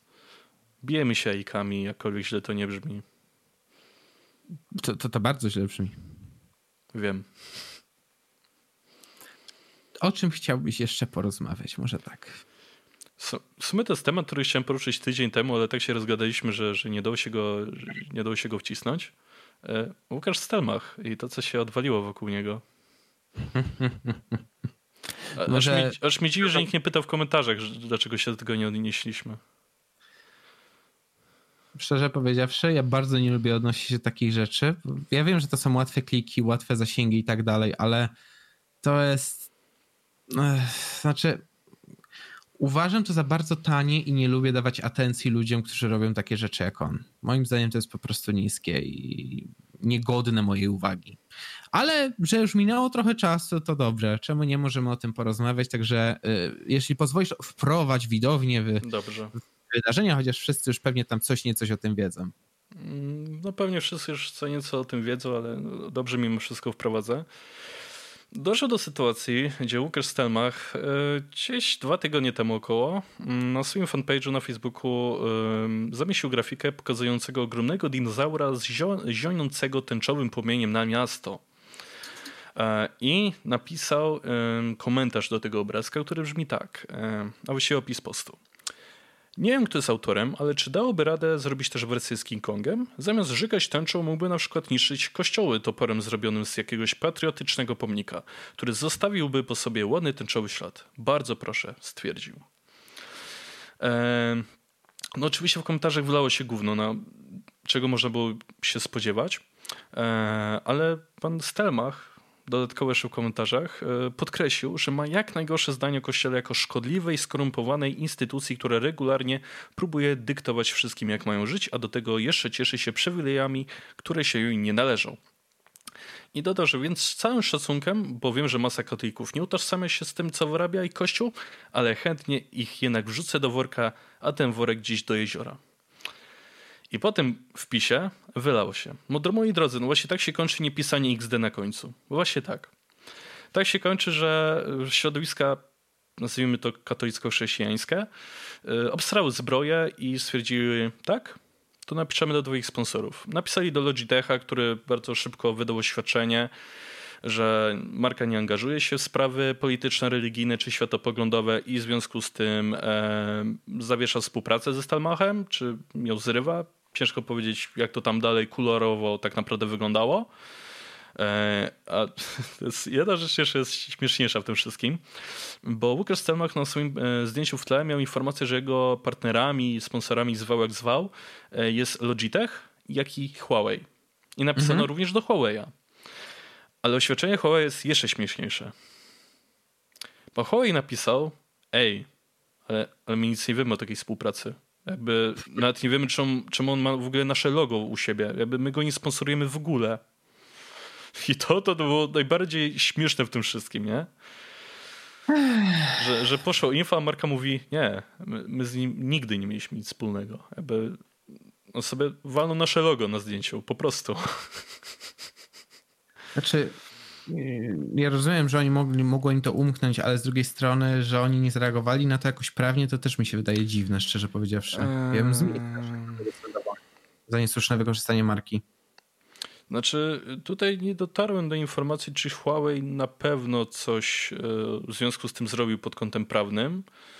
Znaczy, bo Huawei przekazał e, temu ośrodkowi monitorowania chrystianofobii Fidei Defensor, że firma nie współpracuje z Łukaszem Stalmachem, nie zgodziła się na prezentację swojego logo na jego kanale i zażądała od youtubera, żeby je stamtąd usunął. Czy zrobili coś więcej? Nie mam zielonego pojęcia. E, ale dlaczego też chciałem odnieść się do tego, co się stało wokół Łukasza Stalmacha? Ja obejrzałem materiał Szymona z Wojny Idei na ten temat. I w sumie tam zauważył jedną bardzo ważną rzecz, którą chciałem tutaj podkreślić. E, ta sytuacja trochę pokazuje, że zarówno prawica, jak i lewica ma te same e, podwójne standardy. Mhm. Bo e, co robi lewica, jak ktoś tam nie obrazi LGBT, cokolwiek innego? Cancel culture, lecimy na pełnej, nie? I tutaj mamy sytuację odwróconą, gdzie to lewicowiec obraził prawicowców, że tak to pozwolę sobie ująć ogólnikowo I co zrobiła prawica? Dokładnie to samo. Te same podwójne standardy. On, prawica wali, że cancel culture jest do śmietnika, jest to najgorsze ścierwo, poprawność polityczna i tak dalej, a same je stosuje, gdy y, mają analogiczną sytuację.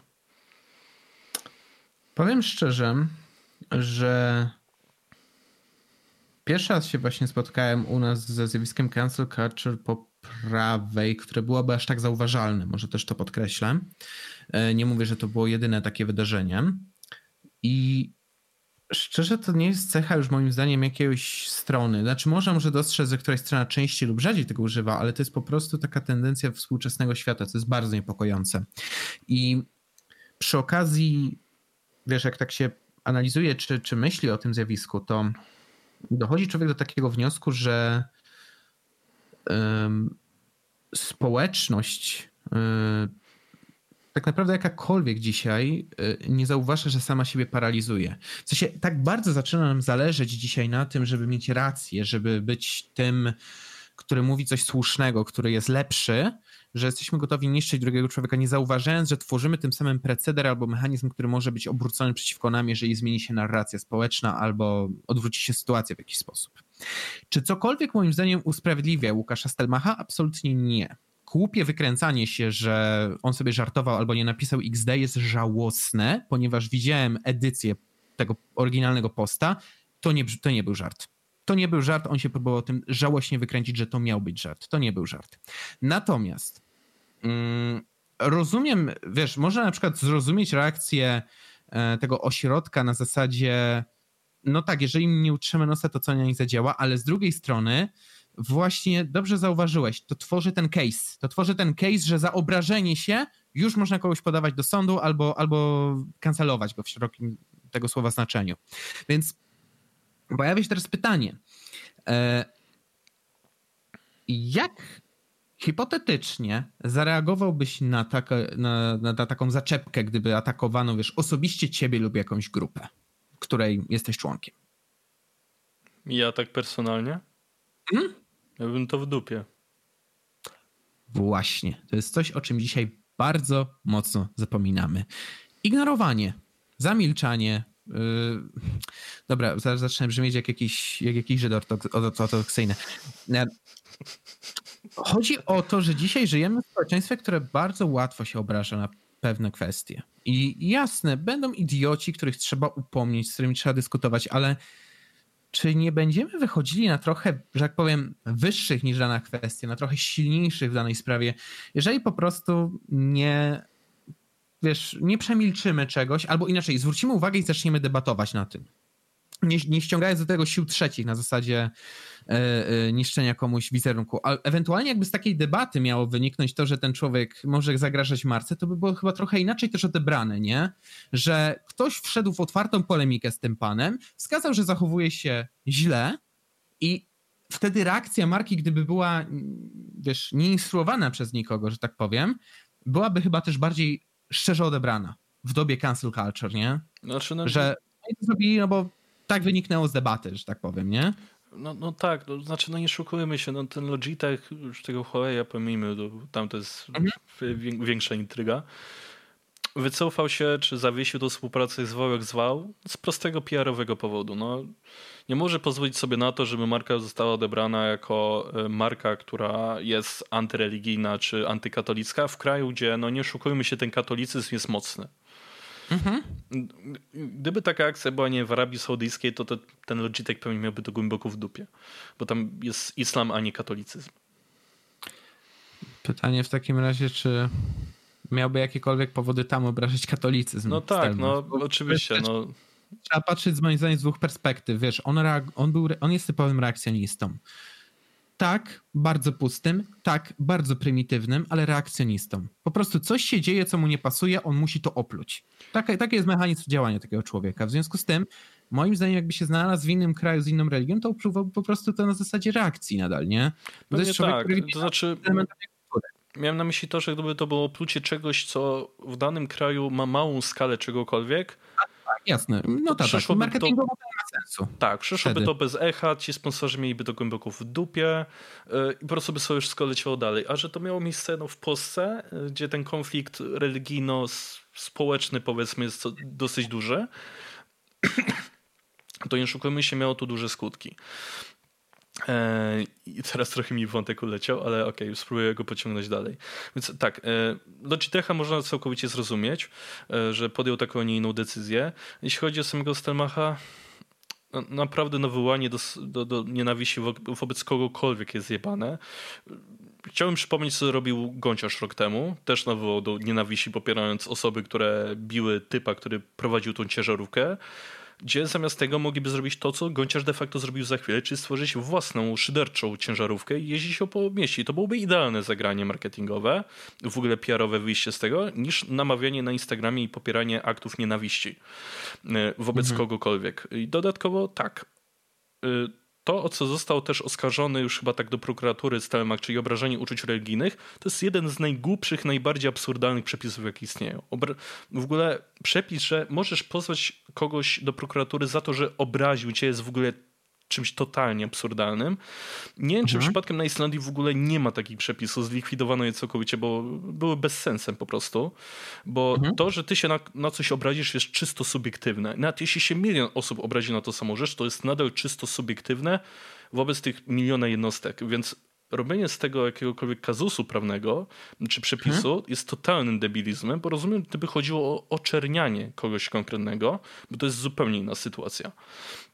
E, ale to, że ktoś kogoś pozwie do sądu, bo ktoś kogoś, kogoś nie nazwał chujem, czy nazwał prezydenta debilem, to dla mnie jest to totalna paranoja i przyniesie więcej złego niż dobrego, bo ta sytuacja, jak już tak przy, już przywołałem nazwanie prezydenta debilem, e, czym się skończyło? Że wszystkie nagłówki za granicą, które były, miały jedno bardzo ważne słowo. Duda debil.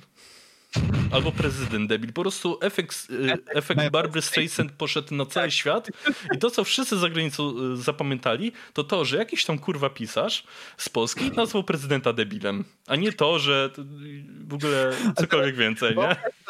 Wyobraź sobie, że jesteśmy dwoma ekskluzywnymi gentlemanami z UK, prowadzimy a quick brief show, tak? I nagle w czasie quick brief show podajemy information that the president of some country in the Eastern Europe was called Debil, dumbass, moron, by some, by some mother effing writer.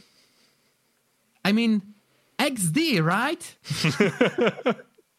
Wiesz, naprawdę mi się od razu przywołuje formuła briefa, no bo jak ja robię przy briefach, to najczęściej jak, jak szukam jakiejś informacji, to z jednej strony szukam czegoś, co jest dość istotne w skali takiej tak powiedzmy spraw społeczno-politycznych naszego kraju, spraw międzynarodowych, albo jest po prostu totalnie absurdalne, jak na przykład w Iranie porwali dzieci i stwierdzili, że najlepszym pomysłem na ich sprzedanie będzie wystawienie ogłoszenia na Instagramie. Tak. Już, już nie wspominając o ostatnim Tokyo Drift w kanale sueskim, na całe szczęście, że to po tygodniu odblokowali. Natomiast um, tak, to jest taki absurd i efekt Barbary Streisand. Masz pełną rację, że subiektywność w prawie powinna być wyrogowywana, też pełna racja. Ja jestem wielkim przeciwnikiem właśnie przepisów, które bazują na emocjach czy uczuciach, bo nie taka jest rola prawa. Na emocje i uczucia, owszem, uważam, że w procesie legisl legislacyjnym, sądowym powinno być miejsce, powinno być miejsce, żeby wyrazić te uczucia i żeby nie były one odbierane jako coś negatywnego, ale to w zupełnie innym kontekście o tym mówię.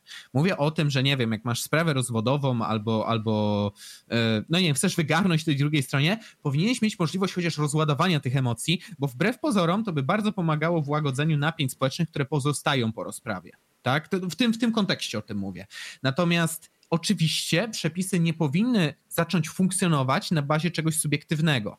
Moim zdaniem to jest właściwie coś, co nawet zasila cancel culture, jak się, tym za, jak się nad tym zastanowisz, bo cancel culture nie miałoby narzędzi prawnych do działania, gdyby nie mogło działać, yy, znaczy miałoby ich zdecydowanie mniej, bo ja nie mówię, niektóre sprawy są uzasadnione, ale nie można byłoby zainicjować takiej sprawy o to, że ktoś tam coś powiedział, bez przepisów, które zaczynają działać, kiedy czyjeś uczucia są pokrzywdzone.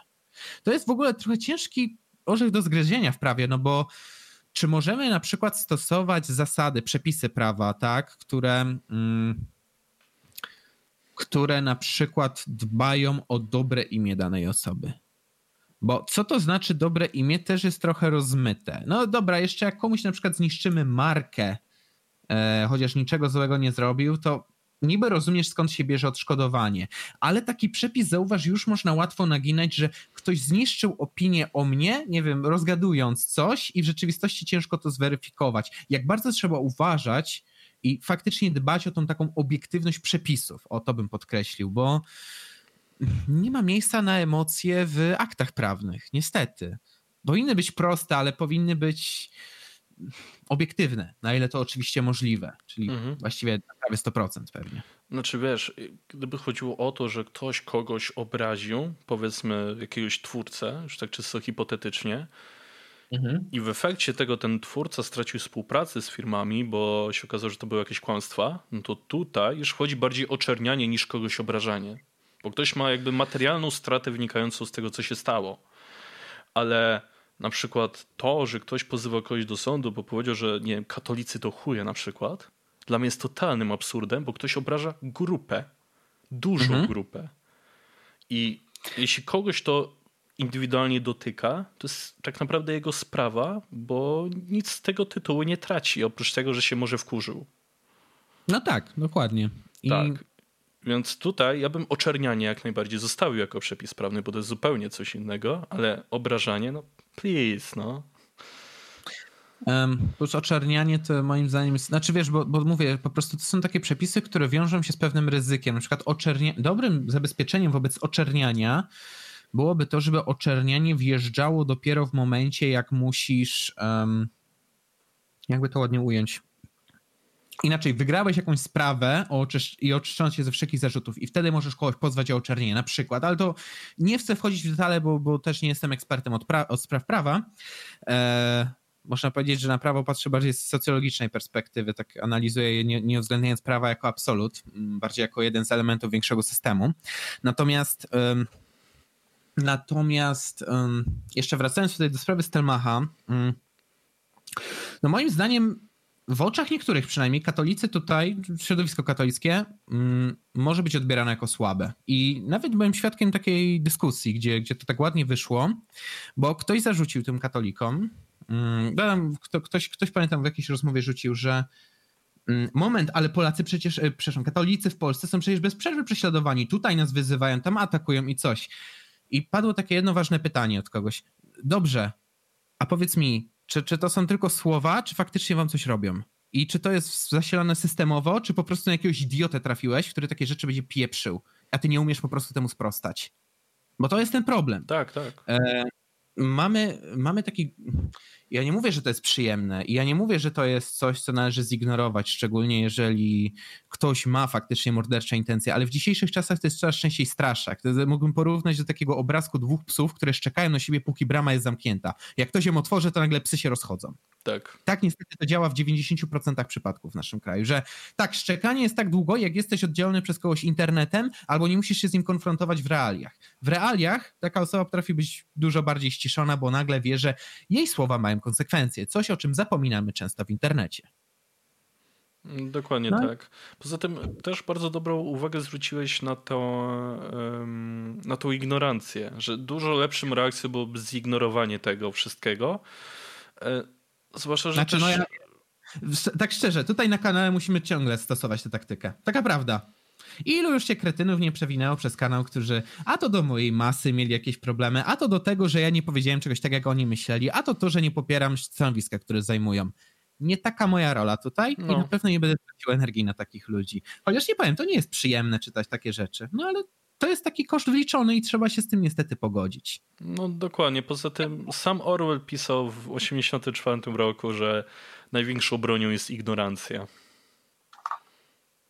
I że mm. problemem świata nie jest to, że jest mało dobrych ludzi, tylko że jest za dużo ludzi, którzy nic nie robią. Mhm. Ale tak Prawda jest taka, że ignorowanie jest bardzo silną bronią. Tak. E, jest dość silną bronią. Ja bym powiedział tak, oczywiście można piętnować albo rozmawiać o takich kwestiach i tutaj ostracyzm społeczny może naprawdę cuda zdziałać, to jest fakt. Tylko chodzi o to, że to, to, to jest to, o czym już tak zaznaczyłem przy okazji dzisiejszej naszej rozmowy, że prawo to jest jeden z wielu regulatorów naszego życia społecznego. Nie możemy oczekiwać, że wyreguluje wszystko. Ostracyzm społeczny to jest inne narzędzie, które może nam pomóc tam, gdzie prawo nie ma zastosowania, bo na przykład nie może być obiektywnie, e, obiektywność zachowana. Jeszcze dodatkowo powiem ci jedno, tak teraz sobie wyobraziłem. Czy jak ja bym tak prowadząc ten kanał pozywał wszystkich, co mnie nazwali grubym, to stałbym się libertariańskim odpowiednikiem, nie wiem, takiej, takich aktywistek lewicowych ala Klimsara czy Staśko, które już wściekają się o to, że ktoś zrobił obrazek, gdzie ktoś ich ptasią podobiznę podpala i potem trzeba im przerabiać na kwiatki. Klimasora akurat coraz więcej rzeczy ma głęboko w dupie, tak zauważyłem, i się odcina, ale, ale Staśko to tam na pełnej uwierza. Tak, ktoś przerabiał ten obrazek z zionięcia ogniem na to, że się na nią po prostu wyżygał. Tak, tak więc yy, ja, ja chyba jednak idę słuszną ścieżką, po prostu nie przejmując się pewnymi rzeczami i yy, no nie wiem, może to jest trochę szalone w tym kraju, ale tak, tak budowanie własnej wartości w oparciu o po prostu lubienie samego siebie. Słyszał pan kiedyś o czymś takim, panie Fertku? Ale Teraz muszę wtrącić wątek ale do tej całej sytuacji ze Stelmachem. Tak na zakończenie. No. Jasne. Wypowiedź Stelmacha to jest pół biedy. No. E, znalazłem, e, mi się wyświetlił na Twitterze post jakiegoś Wojtka, który właśnie wrzucił link do, do wirtualnych mediów, które w ogóle opisują tą sprawę. Ja, też cytowałem właśnie z tego portalu mhm. tą wypowiedź Łukasza Stelmacha. I ten post jest, był taki ogólnikowy, że jest nowa imba, że coś się dzieje, pewnie urwany z kontekstu. Taki ogólny post. Ale Jasne. kto skomentował ten post? Weronika Truszczyńska. O. I teraz pozwól, że zacytuję jej odpowiedź. No dawaj. E... no. Cytuję. Myślę, że dokładnie wiedział, co pisał. Znaczy Stelmach. E, życie nas wszystkich byłoby lepsze, gdyby instytucja KK, czyli Kościoła katolickiego, została teraz wrzucona do dołu i zasypana wapnem. To jest dopiero kurwa nawołanie do nienawiści. Ach, ta tolerancja. I, powiem jedno. E, może dobrze, że tutaj nikt nie zgłosił jej nigdzie, ale jak najbardziej taką opinię trzeba mocno krytykować. Bo to, co powiedziała, jest po prostu bezczelne, katofobiczne, używając tej nowomowy. I dodatkowo podkreśliłbym, że to świadczy o pozbawieniu jej empatii albo o czymś, co bym określał jako, nie wiem, empatię parafialną albo parafialną. O to, nie, to, to jest najlepsze słowo, jakie mogę tu użyć. Empatia parafialna. Empatia tylko wobec tych, którzy albo podzielają twój światopogląd, albo należą po prostu do tej samej bańki, w której się obracasz. Empatia parafialna. Ja myślę, że na to miało wpływ jeszcze jedna rzecz. Mhm że ona może się sobie czuć bezkarna w tej całej sytuacji. Że jest obok niej? O to ci chodzi? Tak, bo ona sobie siedzi w Chinach. Co jej zrobią? Tam, tam, jak już widzę, jak ktokolwiek z Polski wysyła e, pozew, e, czy tam e, wniosek o ekstradycję do Chin, a Chińczycy mówią, dobra, tak, wypuścili wam tą różowłosą, niech wypierdala do was. Już to widzę. Jakby to zrobili, naprawdę byłoby chociaż śmiesznie. Tak, to Ale... prawda. Ale na poważnie. E, tak, e, to pokazuje właśnie, że w tej skali międzynarodowej te przepisy już nie mają prawa zadziałać tak naprawdę, bo tu, tu przestępstwo musi być czymś, że tak powiem, poświadczone, a nie po prostu kogoś obrażasz. Jeszcze dodatkowo e, tak tutaj akcja bojkotu ewentualnie oddolnego, albo akcja, akcja, za duże słowo chyba, po prostu odniesienie się do tego, albo wykazanie tej hipokryzji, to jest najlepsze, co można w tej sprawie zrobić. Taki prosty ostracyzm społeczny polegający na tym, że wskazujemy po prostu czyjeś negatywne zachowanie jako kontrprzykład i tyle. I, i przywołujemy, je, wiesz, ja, ja uwielbiam to, się znajdą tacy internauci czasami, którzy... Mm, zapisują sobie screena z czegoś takiego. Potem ta osoba znowu zaczyna coś pierdolić o tolerancji i potem po prostu wrzucają tego screena jako odpowiedź, bez większego komentarza. I czekają na tak... bana, tak jak ja e, czekałem na bana 1 stycznia tego roku od Sylwii Spurek za e, zrobienie retweeta z komentarzem Sylwia wstawa i zesrałaś się. No to, to było już takie bezpośrednie, ale jakbyś faktycznie wrzucił jej tweeta, w którym wiesz, przeczy sama sobie, tak, nie? Tak. Albo albo to, to, jest też problem właśnie może mediów społecznościowych. Tam możesz zablokować się przejmować. Ja, ja no, staram się tego ale wciąż y, to jest narzędzie, jak używane jest odpowiednio, to pozwala ci no, odsiać kretynów, w w skró- tak w skrócie mówiąc, ale jak go nadużywasz, to tworzysz sobie bańkę. I dlatego bardzo lubię środowisko, jakim są czany, bo tam nie ma banowania. Tam jedyne, co Fortran banuje na przykład, mhm. to jak ktoś wrzuci ciepłe placki, bo za to mogą spać z rowerka. Ale tak poza tym, nikt nikogo nie może zbanować. Wszystko się tam idzie strumieniem. I dzięki temu to, co się tam dzieje, jest dużo ciekawsze. Niby jest dużo ciekawsze, ale z drugiej strony Wiesz, jak prowadzisz poważny portal, że tak powiem, nie? Bo trzeba przyznać, YouTube czy Facebook to są poważne portale, w sensie poważny biznes jest z tym. No tak, tak. Jest takie narzędzie. Tylko wiesz, tutaj nie jest kwestia tego, czy to narzędzie jest dobre, czy złe. To jest narzędzie, no, które musi być do porządku. Pytanie, które pozostaje, to to, jak wykorzystają je użytkownicy. Ludzkie działanie zweryfikuje. Dokładnie. A skoro, Czarku, już tak wspominałeś o tym, że mamy mhm. mówić o tym, co się dzieje ostatnio, to jest jedna rzecz, o której zaczęliśmy rozmawiać przed podcastem, ale coś że i tak trzeba się na ten temat wypowiedzieć, bo coś że znajdą się osoby, które i tak nas prędzej czy później o to zapytają. No. Patokreacja maty. Przepraszam, patoreakcja. Odsłuchiwałem ten utwór raz.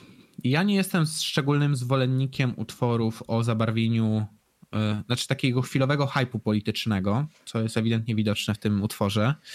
Yy, znaczy, rozumiem Twoją postawę, na przykład, gdzie mi wyjaśniłeś, że to jest taki materiał, utwór, który ma jakby wyśmiać pewien absurd y, społeczeństwa, w którym się znaleźliśmy, pewien absurd wydarzeń, które miały miejsce tak w życiu maty, jak i w życiu politycznym Polski, ale ja naprawdę nie znoszę artystów, naprawdę nie znoszę artystów, którzy na czymś bardzo tymczasowym budują sobie e, wielką popularność. Znaczy, Pato inteligencja była swego czasu bardzo popularna, cały hype zdechł. E, to samo mm, z. Nie zgodzę się do końca.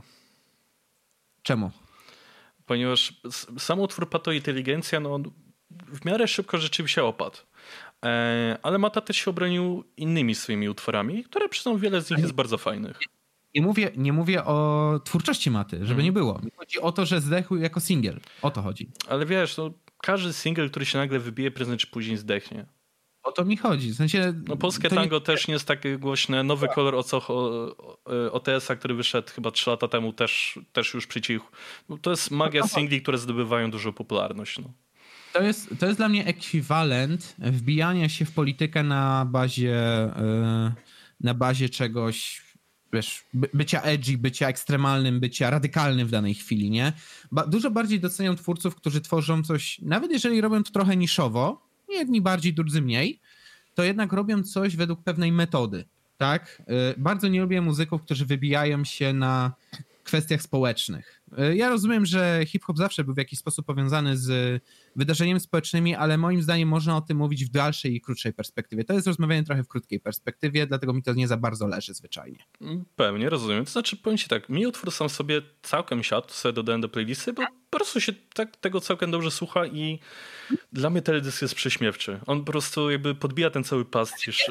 Pełny opór, to się zgadza, tak. Tak, jakby teledysk jest zrobiony stricte po to, żeby podbić pastisz tego wszystkiego, co, co jest w samym utworze. Chyba też, nie? E, tak, i pozwolę sobie się troszeczkę postawić w roli adwokata diabła, mhm. jeśli chodzi o matę, e, bo moim zdaniem trzeba trochę na ten utwór spojrzeć troszkę z szerszej perspektywy. Mhm. Bo z mhm. jednej strony rozumiem cię w pełni, że ty mówisz o tym, że mm, to jest jechanie na populizmie, na tym, co się dzieje ostatnio w polityce i że to jest łatwe wybicie się. Jak najbardziej przyznam ci tutaj rację, że bardzo łatwe to jest wybicie. Będąc muzykiem, po prostu nie lubię, jeżeli ktoś wykorzystuje coś innego niż muzyka, żeby kontrybuować do rozwoju sztuki. O może trochę idealistycznie tutaj wyskakuje, ale no z tego wychodzę. Ale no słucham argumentu właśnie. Pewnie. I przejdę dalej. Słuchając tego utworu jest dużo odniesień do ojca Maty czyli profesora Matczaka, jeśli dobrze mówię. Tak. Jak i też do samego Maty.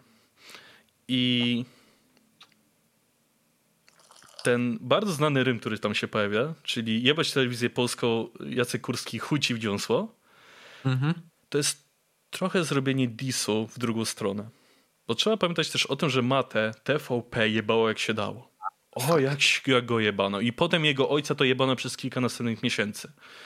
I sam Mata odniósł się do właśnie tych wersów, które padły, że ej, mhm. odpowiedziałem kolesiowi, który mnie zdisował. Na tym polega hip-hop. I rzeczywiście jest to element kultury hip-hop, bo jak jedna osoba Aha. drugą obraziła, to drugi nagrywał na kolejnego disa, czyli obrażał go w drugą stronę.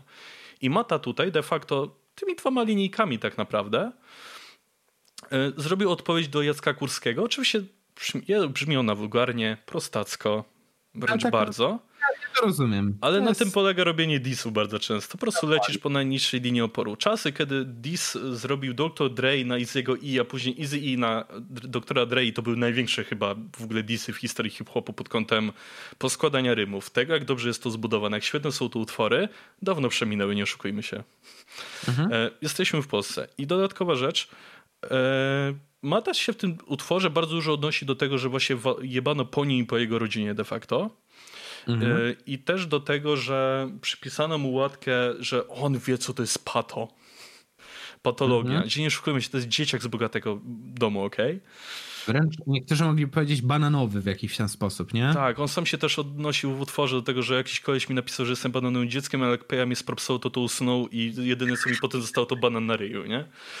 Więc o, naprawdę pod kątem Braga on bardzo fajnie tutaj leci w wielu rymowankach, e, w wersach e, i dodatkowo rozumiem jego frustrację, że jebano mu po rodzinie tak bardzo publicznie. I że on Jasne. chciał trochę wyrzucić emocje drugą stronę. Zresztą do tego trochę też jest muzyka, zwłaszcza mhm. hip-hop. E, I dodatkowo też do tego wszystkiego świetne też nawiązanie do wersu stonogi. Przestań mi kurwa rodzinę prześladować i odbicie później piłeczki chcę w spokoju dorosnąć. Dajcie mi święty spokój. E, mhm. I też odnoszenie się dosyć pastiszowy sposób do tego, że nagle zrobiło się o nim głośno.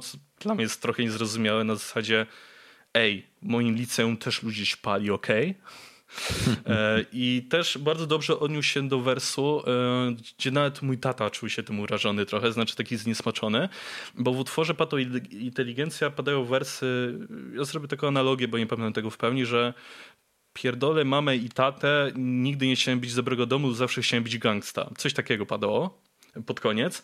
E, I mój tata stwierdził, no bo mówi, że pierdoli swoich rodziców, co to w ogóle za typ i tak dalej. Ja próbowałem to wytłumaczyć mojemu tacie, nie do końca wyszło, e, ale wytłumaczę tutaj.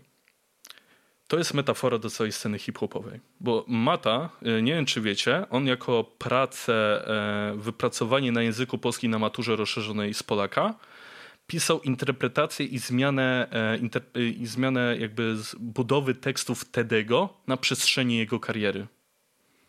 Mhm. I co najciekawsze, najśmieszniejsze, do preorderu jego płyty 100 dni do matury tej pierwszej, ta praca była drukowana normalnie w teczce wysyłana do ludzi. Ludzie mogli sobie ten esej cały przeczytać, więc on naprawdę mocno roz, ma rozkminione e, teksty w polskim hip-hopie. I ten jego werset do tego, że pierdolę mamy i tatę, bo nigdy nie chciałem być z dobrego domu, zawsze chciałem być gangsta, jest metaforą do hip-hopowców, którzy w większości byli z biednych rodzin, i zawsze nawijali przeważnie, że dziękują rodzicom za wsparcie, że robili co mogli i że oni nie chcieliby być gangster, tylko chcieliby mieć normalne życie. I to była metafora odwrotna, bo on nie jest z, tych nisz y, społecznych. I więc to jest de facto fikcja literacka i właśnie metafora do tego, jak przeważnie wygląda scena hip-hopowa, że to są ludzie jakby z, z niżyn społecznych. E, i w samym utworze Patoreakcja bardzo dobrze odniósł się do tego, że kocha mamę i tatę, a jedyne co jebie to patologia. Czy jakoś mm. ten deseń. Więc Mata w tym utworze de facto bardzo dużo rzeczy, które mu zarzucano, odbił piłeczkę w drugą stronę, moim zdaniem dosyć fajnie. E, tak jak wspomniałem, teledysk jest super. To jest tak podkręcenie tego pastiżu, jak się da. I moim zdaniem odpowiedź na, na tego Kurskiego, na te TVP i tak dalej, to jest nie tyle co polecenie po, po popularności tematu, bo trochę oczywiście też, ale moim zdaniem jednocześnie to jest trochę właśnie odpowiedzenie disem na dis. Tylko własnym kanałem. TVP odpowiadało kanałem telewizyjnym, a on odpowiedział no, kanałem muzycznym, że tak ktoś się wyraża, nie? Więc no. E, rozumiem, e, że można odebrać ten utwór maty jako pójście na trochę powiedzmy łatwiznę. Mhm. Jak najbardziej to kumam. Zresztą nie wiem, czy jakiś inny teledysk Polsce hip-hopowy wykręcił 2,5 miliona ponad wyświetleń w dobę ale z drugiej strony całkowicie rozumiem jego frustrację w tym utworze i szanuję za to, że on zamiast y, jak w po to inteligencji tak na wkurwieniu wszystko odpowiedzieć, postanowił trochę z tego zrobić pastisz i poskręcać z tego mimo wszystko szyderę. Bardzo mhm. fajnie połączył dużo elementów w tym utworze. E, powiem tak, po takim głębszej analizie zaczynam rozumieć, mhm. z czego pochodził ten utwór. Na pewno, na pewno poprawia to moją opinię na jego temat. Rozumiem, że to jest dużo bardziej osobisty utwór, ale sam widzisz, ile trzeba się wkopać, żeby tak. tą osobistość. Także więc myślę, że też można zrozumieć moją perspektywę, tą początkową z powodu tego, że zwyczajnie nie siedzę w scenie tak. hip-hopowej. Nie znam tych detali, nie? ale... Bo powiem ci, że jak za pierwszym A? razem odsłuchałem ten utwór, pomijając, że trochę skopano tam mix i musiałem się naprawdę czasami wytężać, żeby zrozumieć, co on tam nawija, e, mhm. e, to za pierwszym razem też miałem taki odbiór, że no, druga po to inteligencja, ładnie mata, ładnie. Ale potem tak się słuchałem te wersy, bo zacząłem je lepiej słyszeć, tak z drugi, trzeci, piąty, dziesiąty raz ten utwór i takie już kumam. Kumam te wszystkie nawiązania, te wszystkie takie smaczki i, i wiem, gdzie on połączył kropki, kropki. Znowu na tyle inteligentny sposób, żeby ktoś, kto słucha hip-hopu nie na co dzień, nie zgłębiony kulturę, odebrał ten utwór całkowicie inaczej niż jest realnie w ogóle zbudowany. I za to Matę naprawdę szanuję, bo tutaj widać tą jego inteligencję w budowaniu tekstów, żeby dotrzeć do, to, do tych osób, do których on chce dotrzeć. Jasne. Um, Okej, okay, rozumiem. W takim razie powiem tak, z perspektywy wiesz, zewnętrznego słuchacza ten utwór może być źle odebrany, ale przyznam, że jak się wgłębić w jego biografię, faktycznie wypada on dużo lepiej. Ale ty tak nie cwaniakuj, bo pamiętaj, że jeszcze masz analizę 997 po libertariańsku. Dobrze. Dobrze, kiedyś się tego na pewno podejmę. To już jest technicznie mem, który ciągniemy w ramach tego podcastu, bo to czekaj, który to teraz już wszyscy, któryś podcast, to było na drugim zapowiedziane. No to, to, to już jest mem, tak? to jest mem. Dobrze, ale na tym zakończymy dzisiejsze rozważania na tematy wszelakie, także wszystkim pięknie dziękujemy za wysłuchanie. Oczywiście przypominam, można nas posłuchać na wszystkich możliwych platformach streamingowych, które znajdują się w opisie tego materiału. Można nas wspierać na Patronite, który, do którego link też znajduje się w opisie tego materiału. Można dołączyć do nas na Discordzie. Link do Discorda również znajduje się w opisie tego materiału. No i cóż, możemy wam życzyć życzenia spokojnych, szczęśliwych, rodzinnych albo i nie świąt, zależnie komu bardziej co podoba. To jest libertariański serwer, tutaj panuje libertarianizm. No i co? No i, no, no i no i, no i, no i, no i tyle. No co, co masz jeszcze do dodania, Dawid? E, ja mam do dodania to, że e, mamy anketę, którą możecie wypełniać. Link też macie w opisie. Ci, co słuchają na platformach streamingowych, no sorry, musicie wejść na tego YouTube'a i nie przekopujecie tego z opisu, choćbyście chcieli. E, I mam nadzieję, nie wiem, czy to jest tradycja tylko u mnie, czy w całej Polsce, ale mam nadzieję, że w tych wojnach na tłuczenie się jajkami podczas Wielkanocy będziecie wygrywać, będziecie mieli te jedno szczęśliwe jajko. Ja, ja po prostu obleję rodzinę wodą w, w śmigusa. To, to, A, to też. To też. Dobrze. Tak, no cytując jest... Pawła Tanajno, oblewanie się odbyte. Tak bardzo upadliśmy. Dobrze, tak. E, żeby nie upadać dalej, pięknie jeszcze raz dziękujemy za wysłuchanie i za tydzień znów się słyszymy. Trzymajta się tam w tej Polsce, jeszcze będzie, nie no nie oszukujmy się, nie będzie lepiej, ale jakoś to będzie. Do następnego. Trzymajcie się, hej.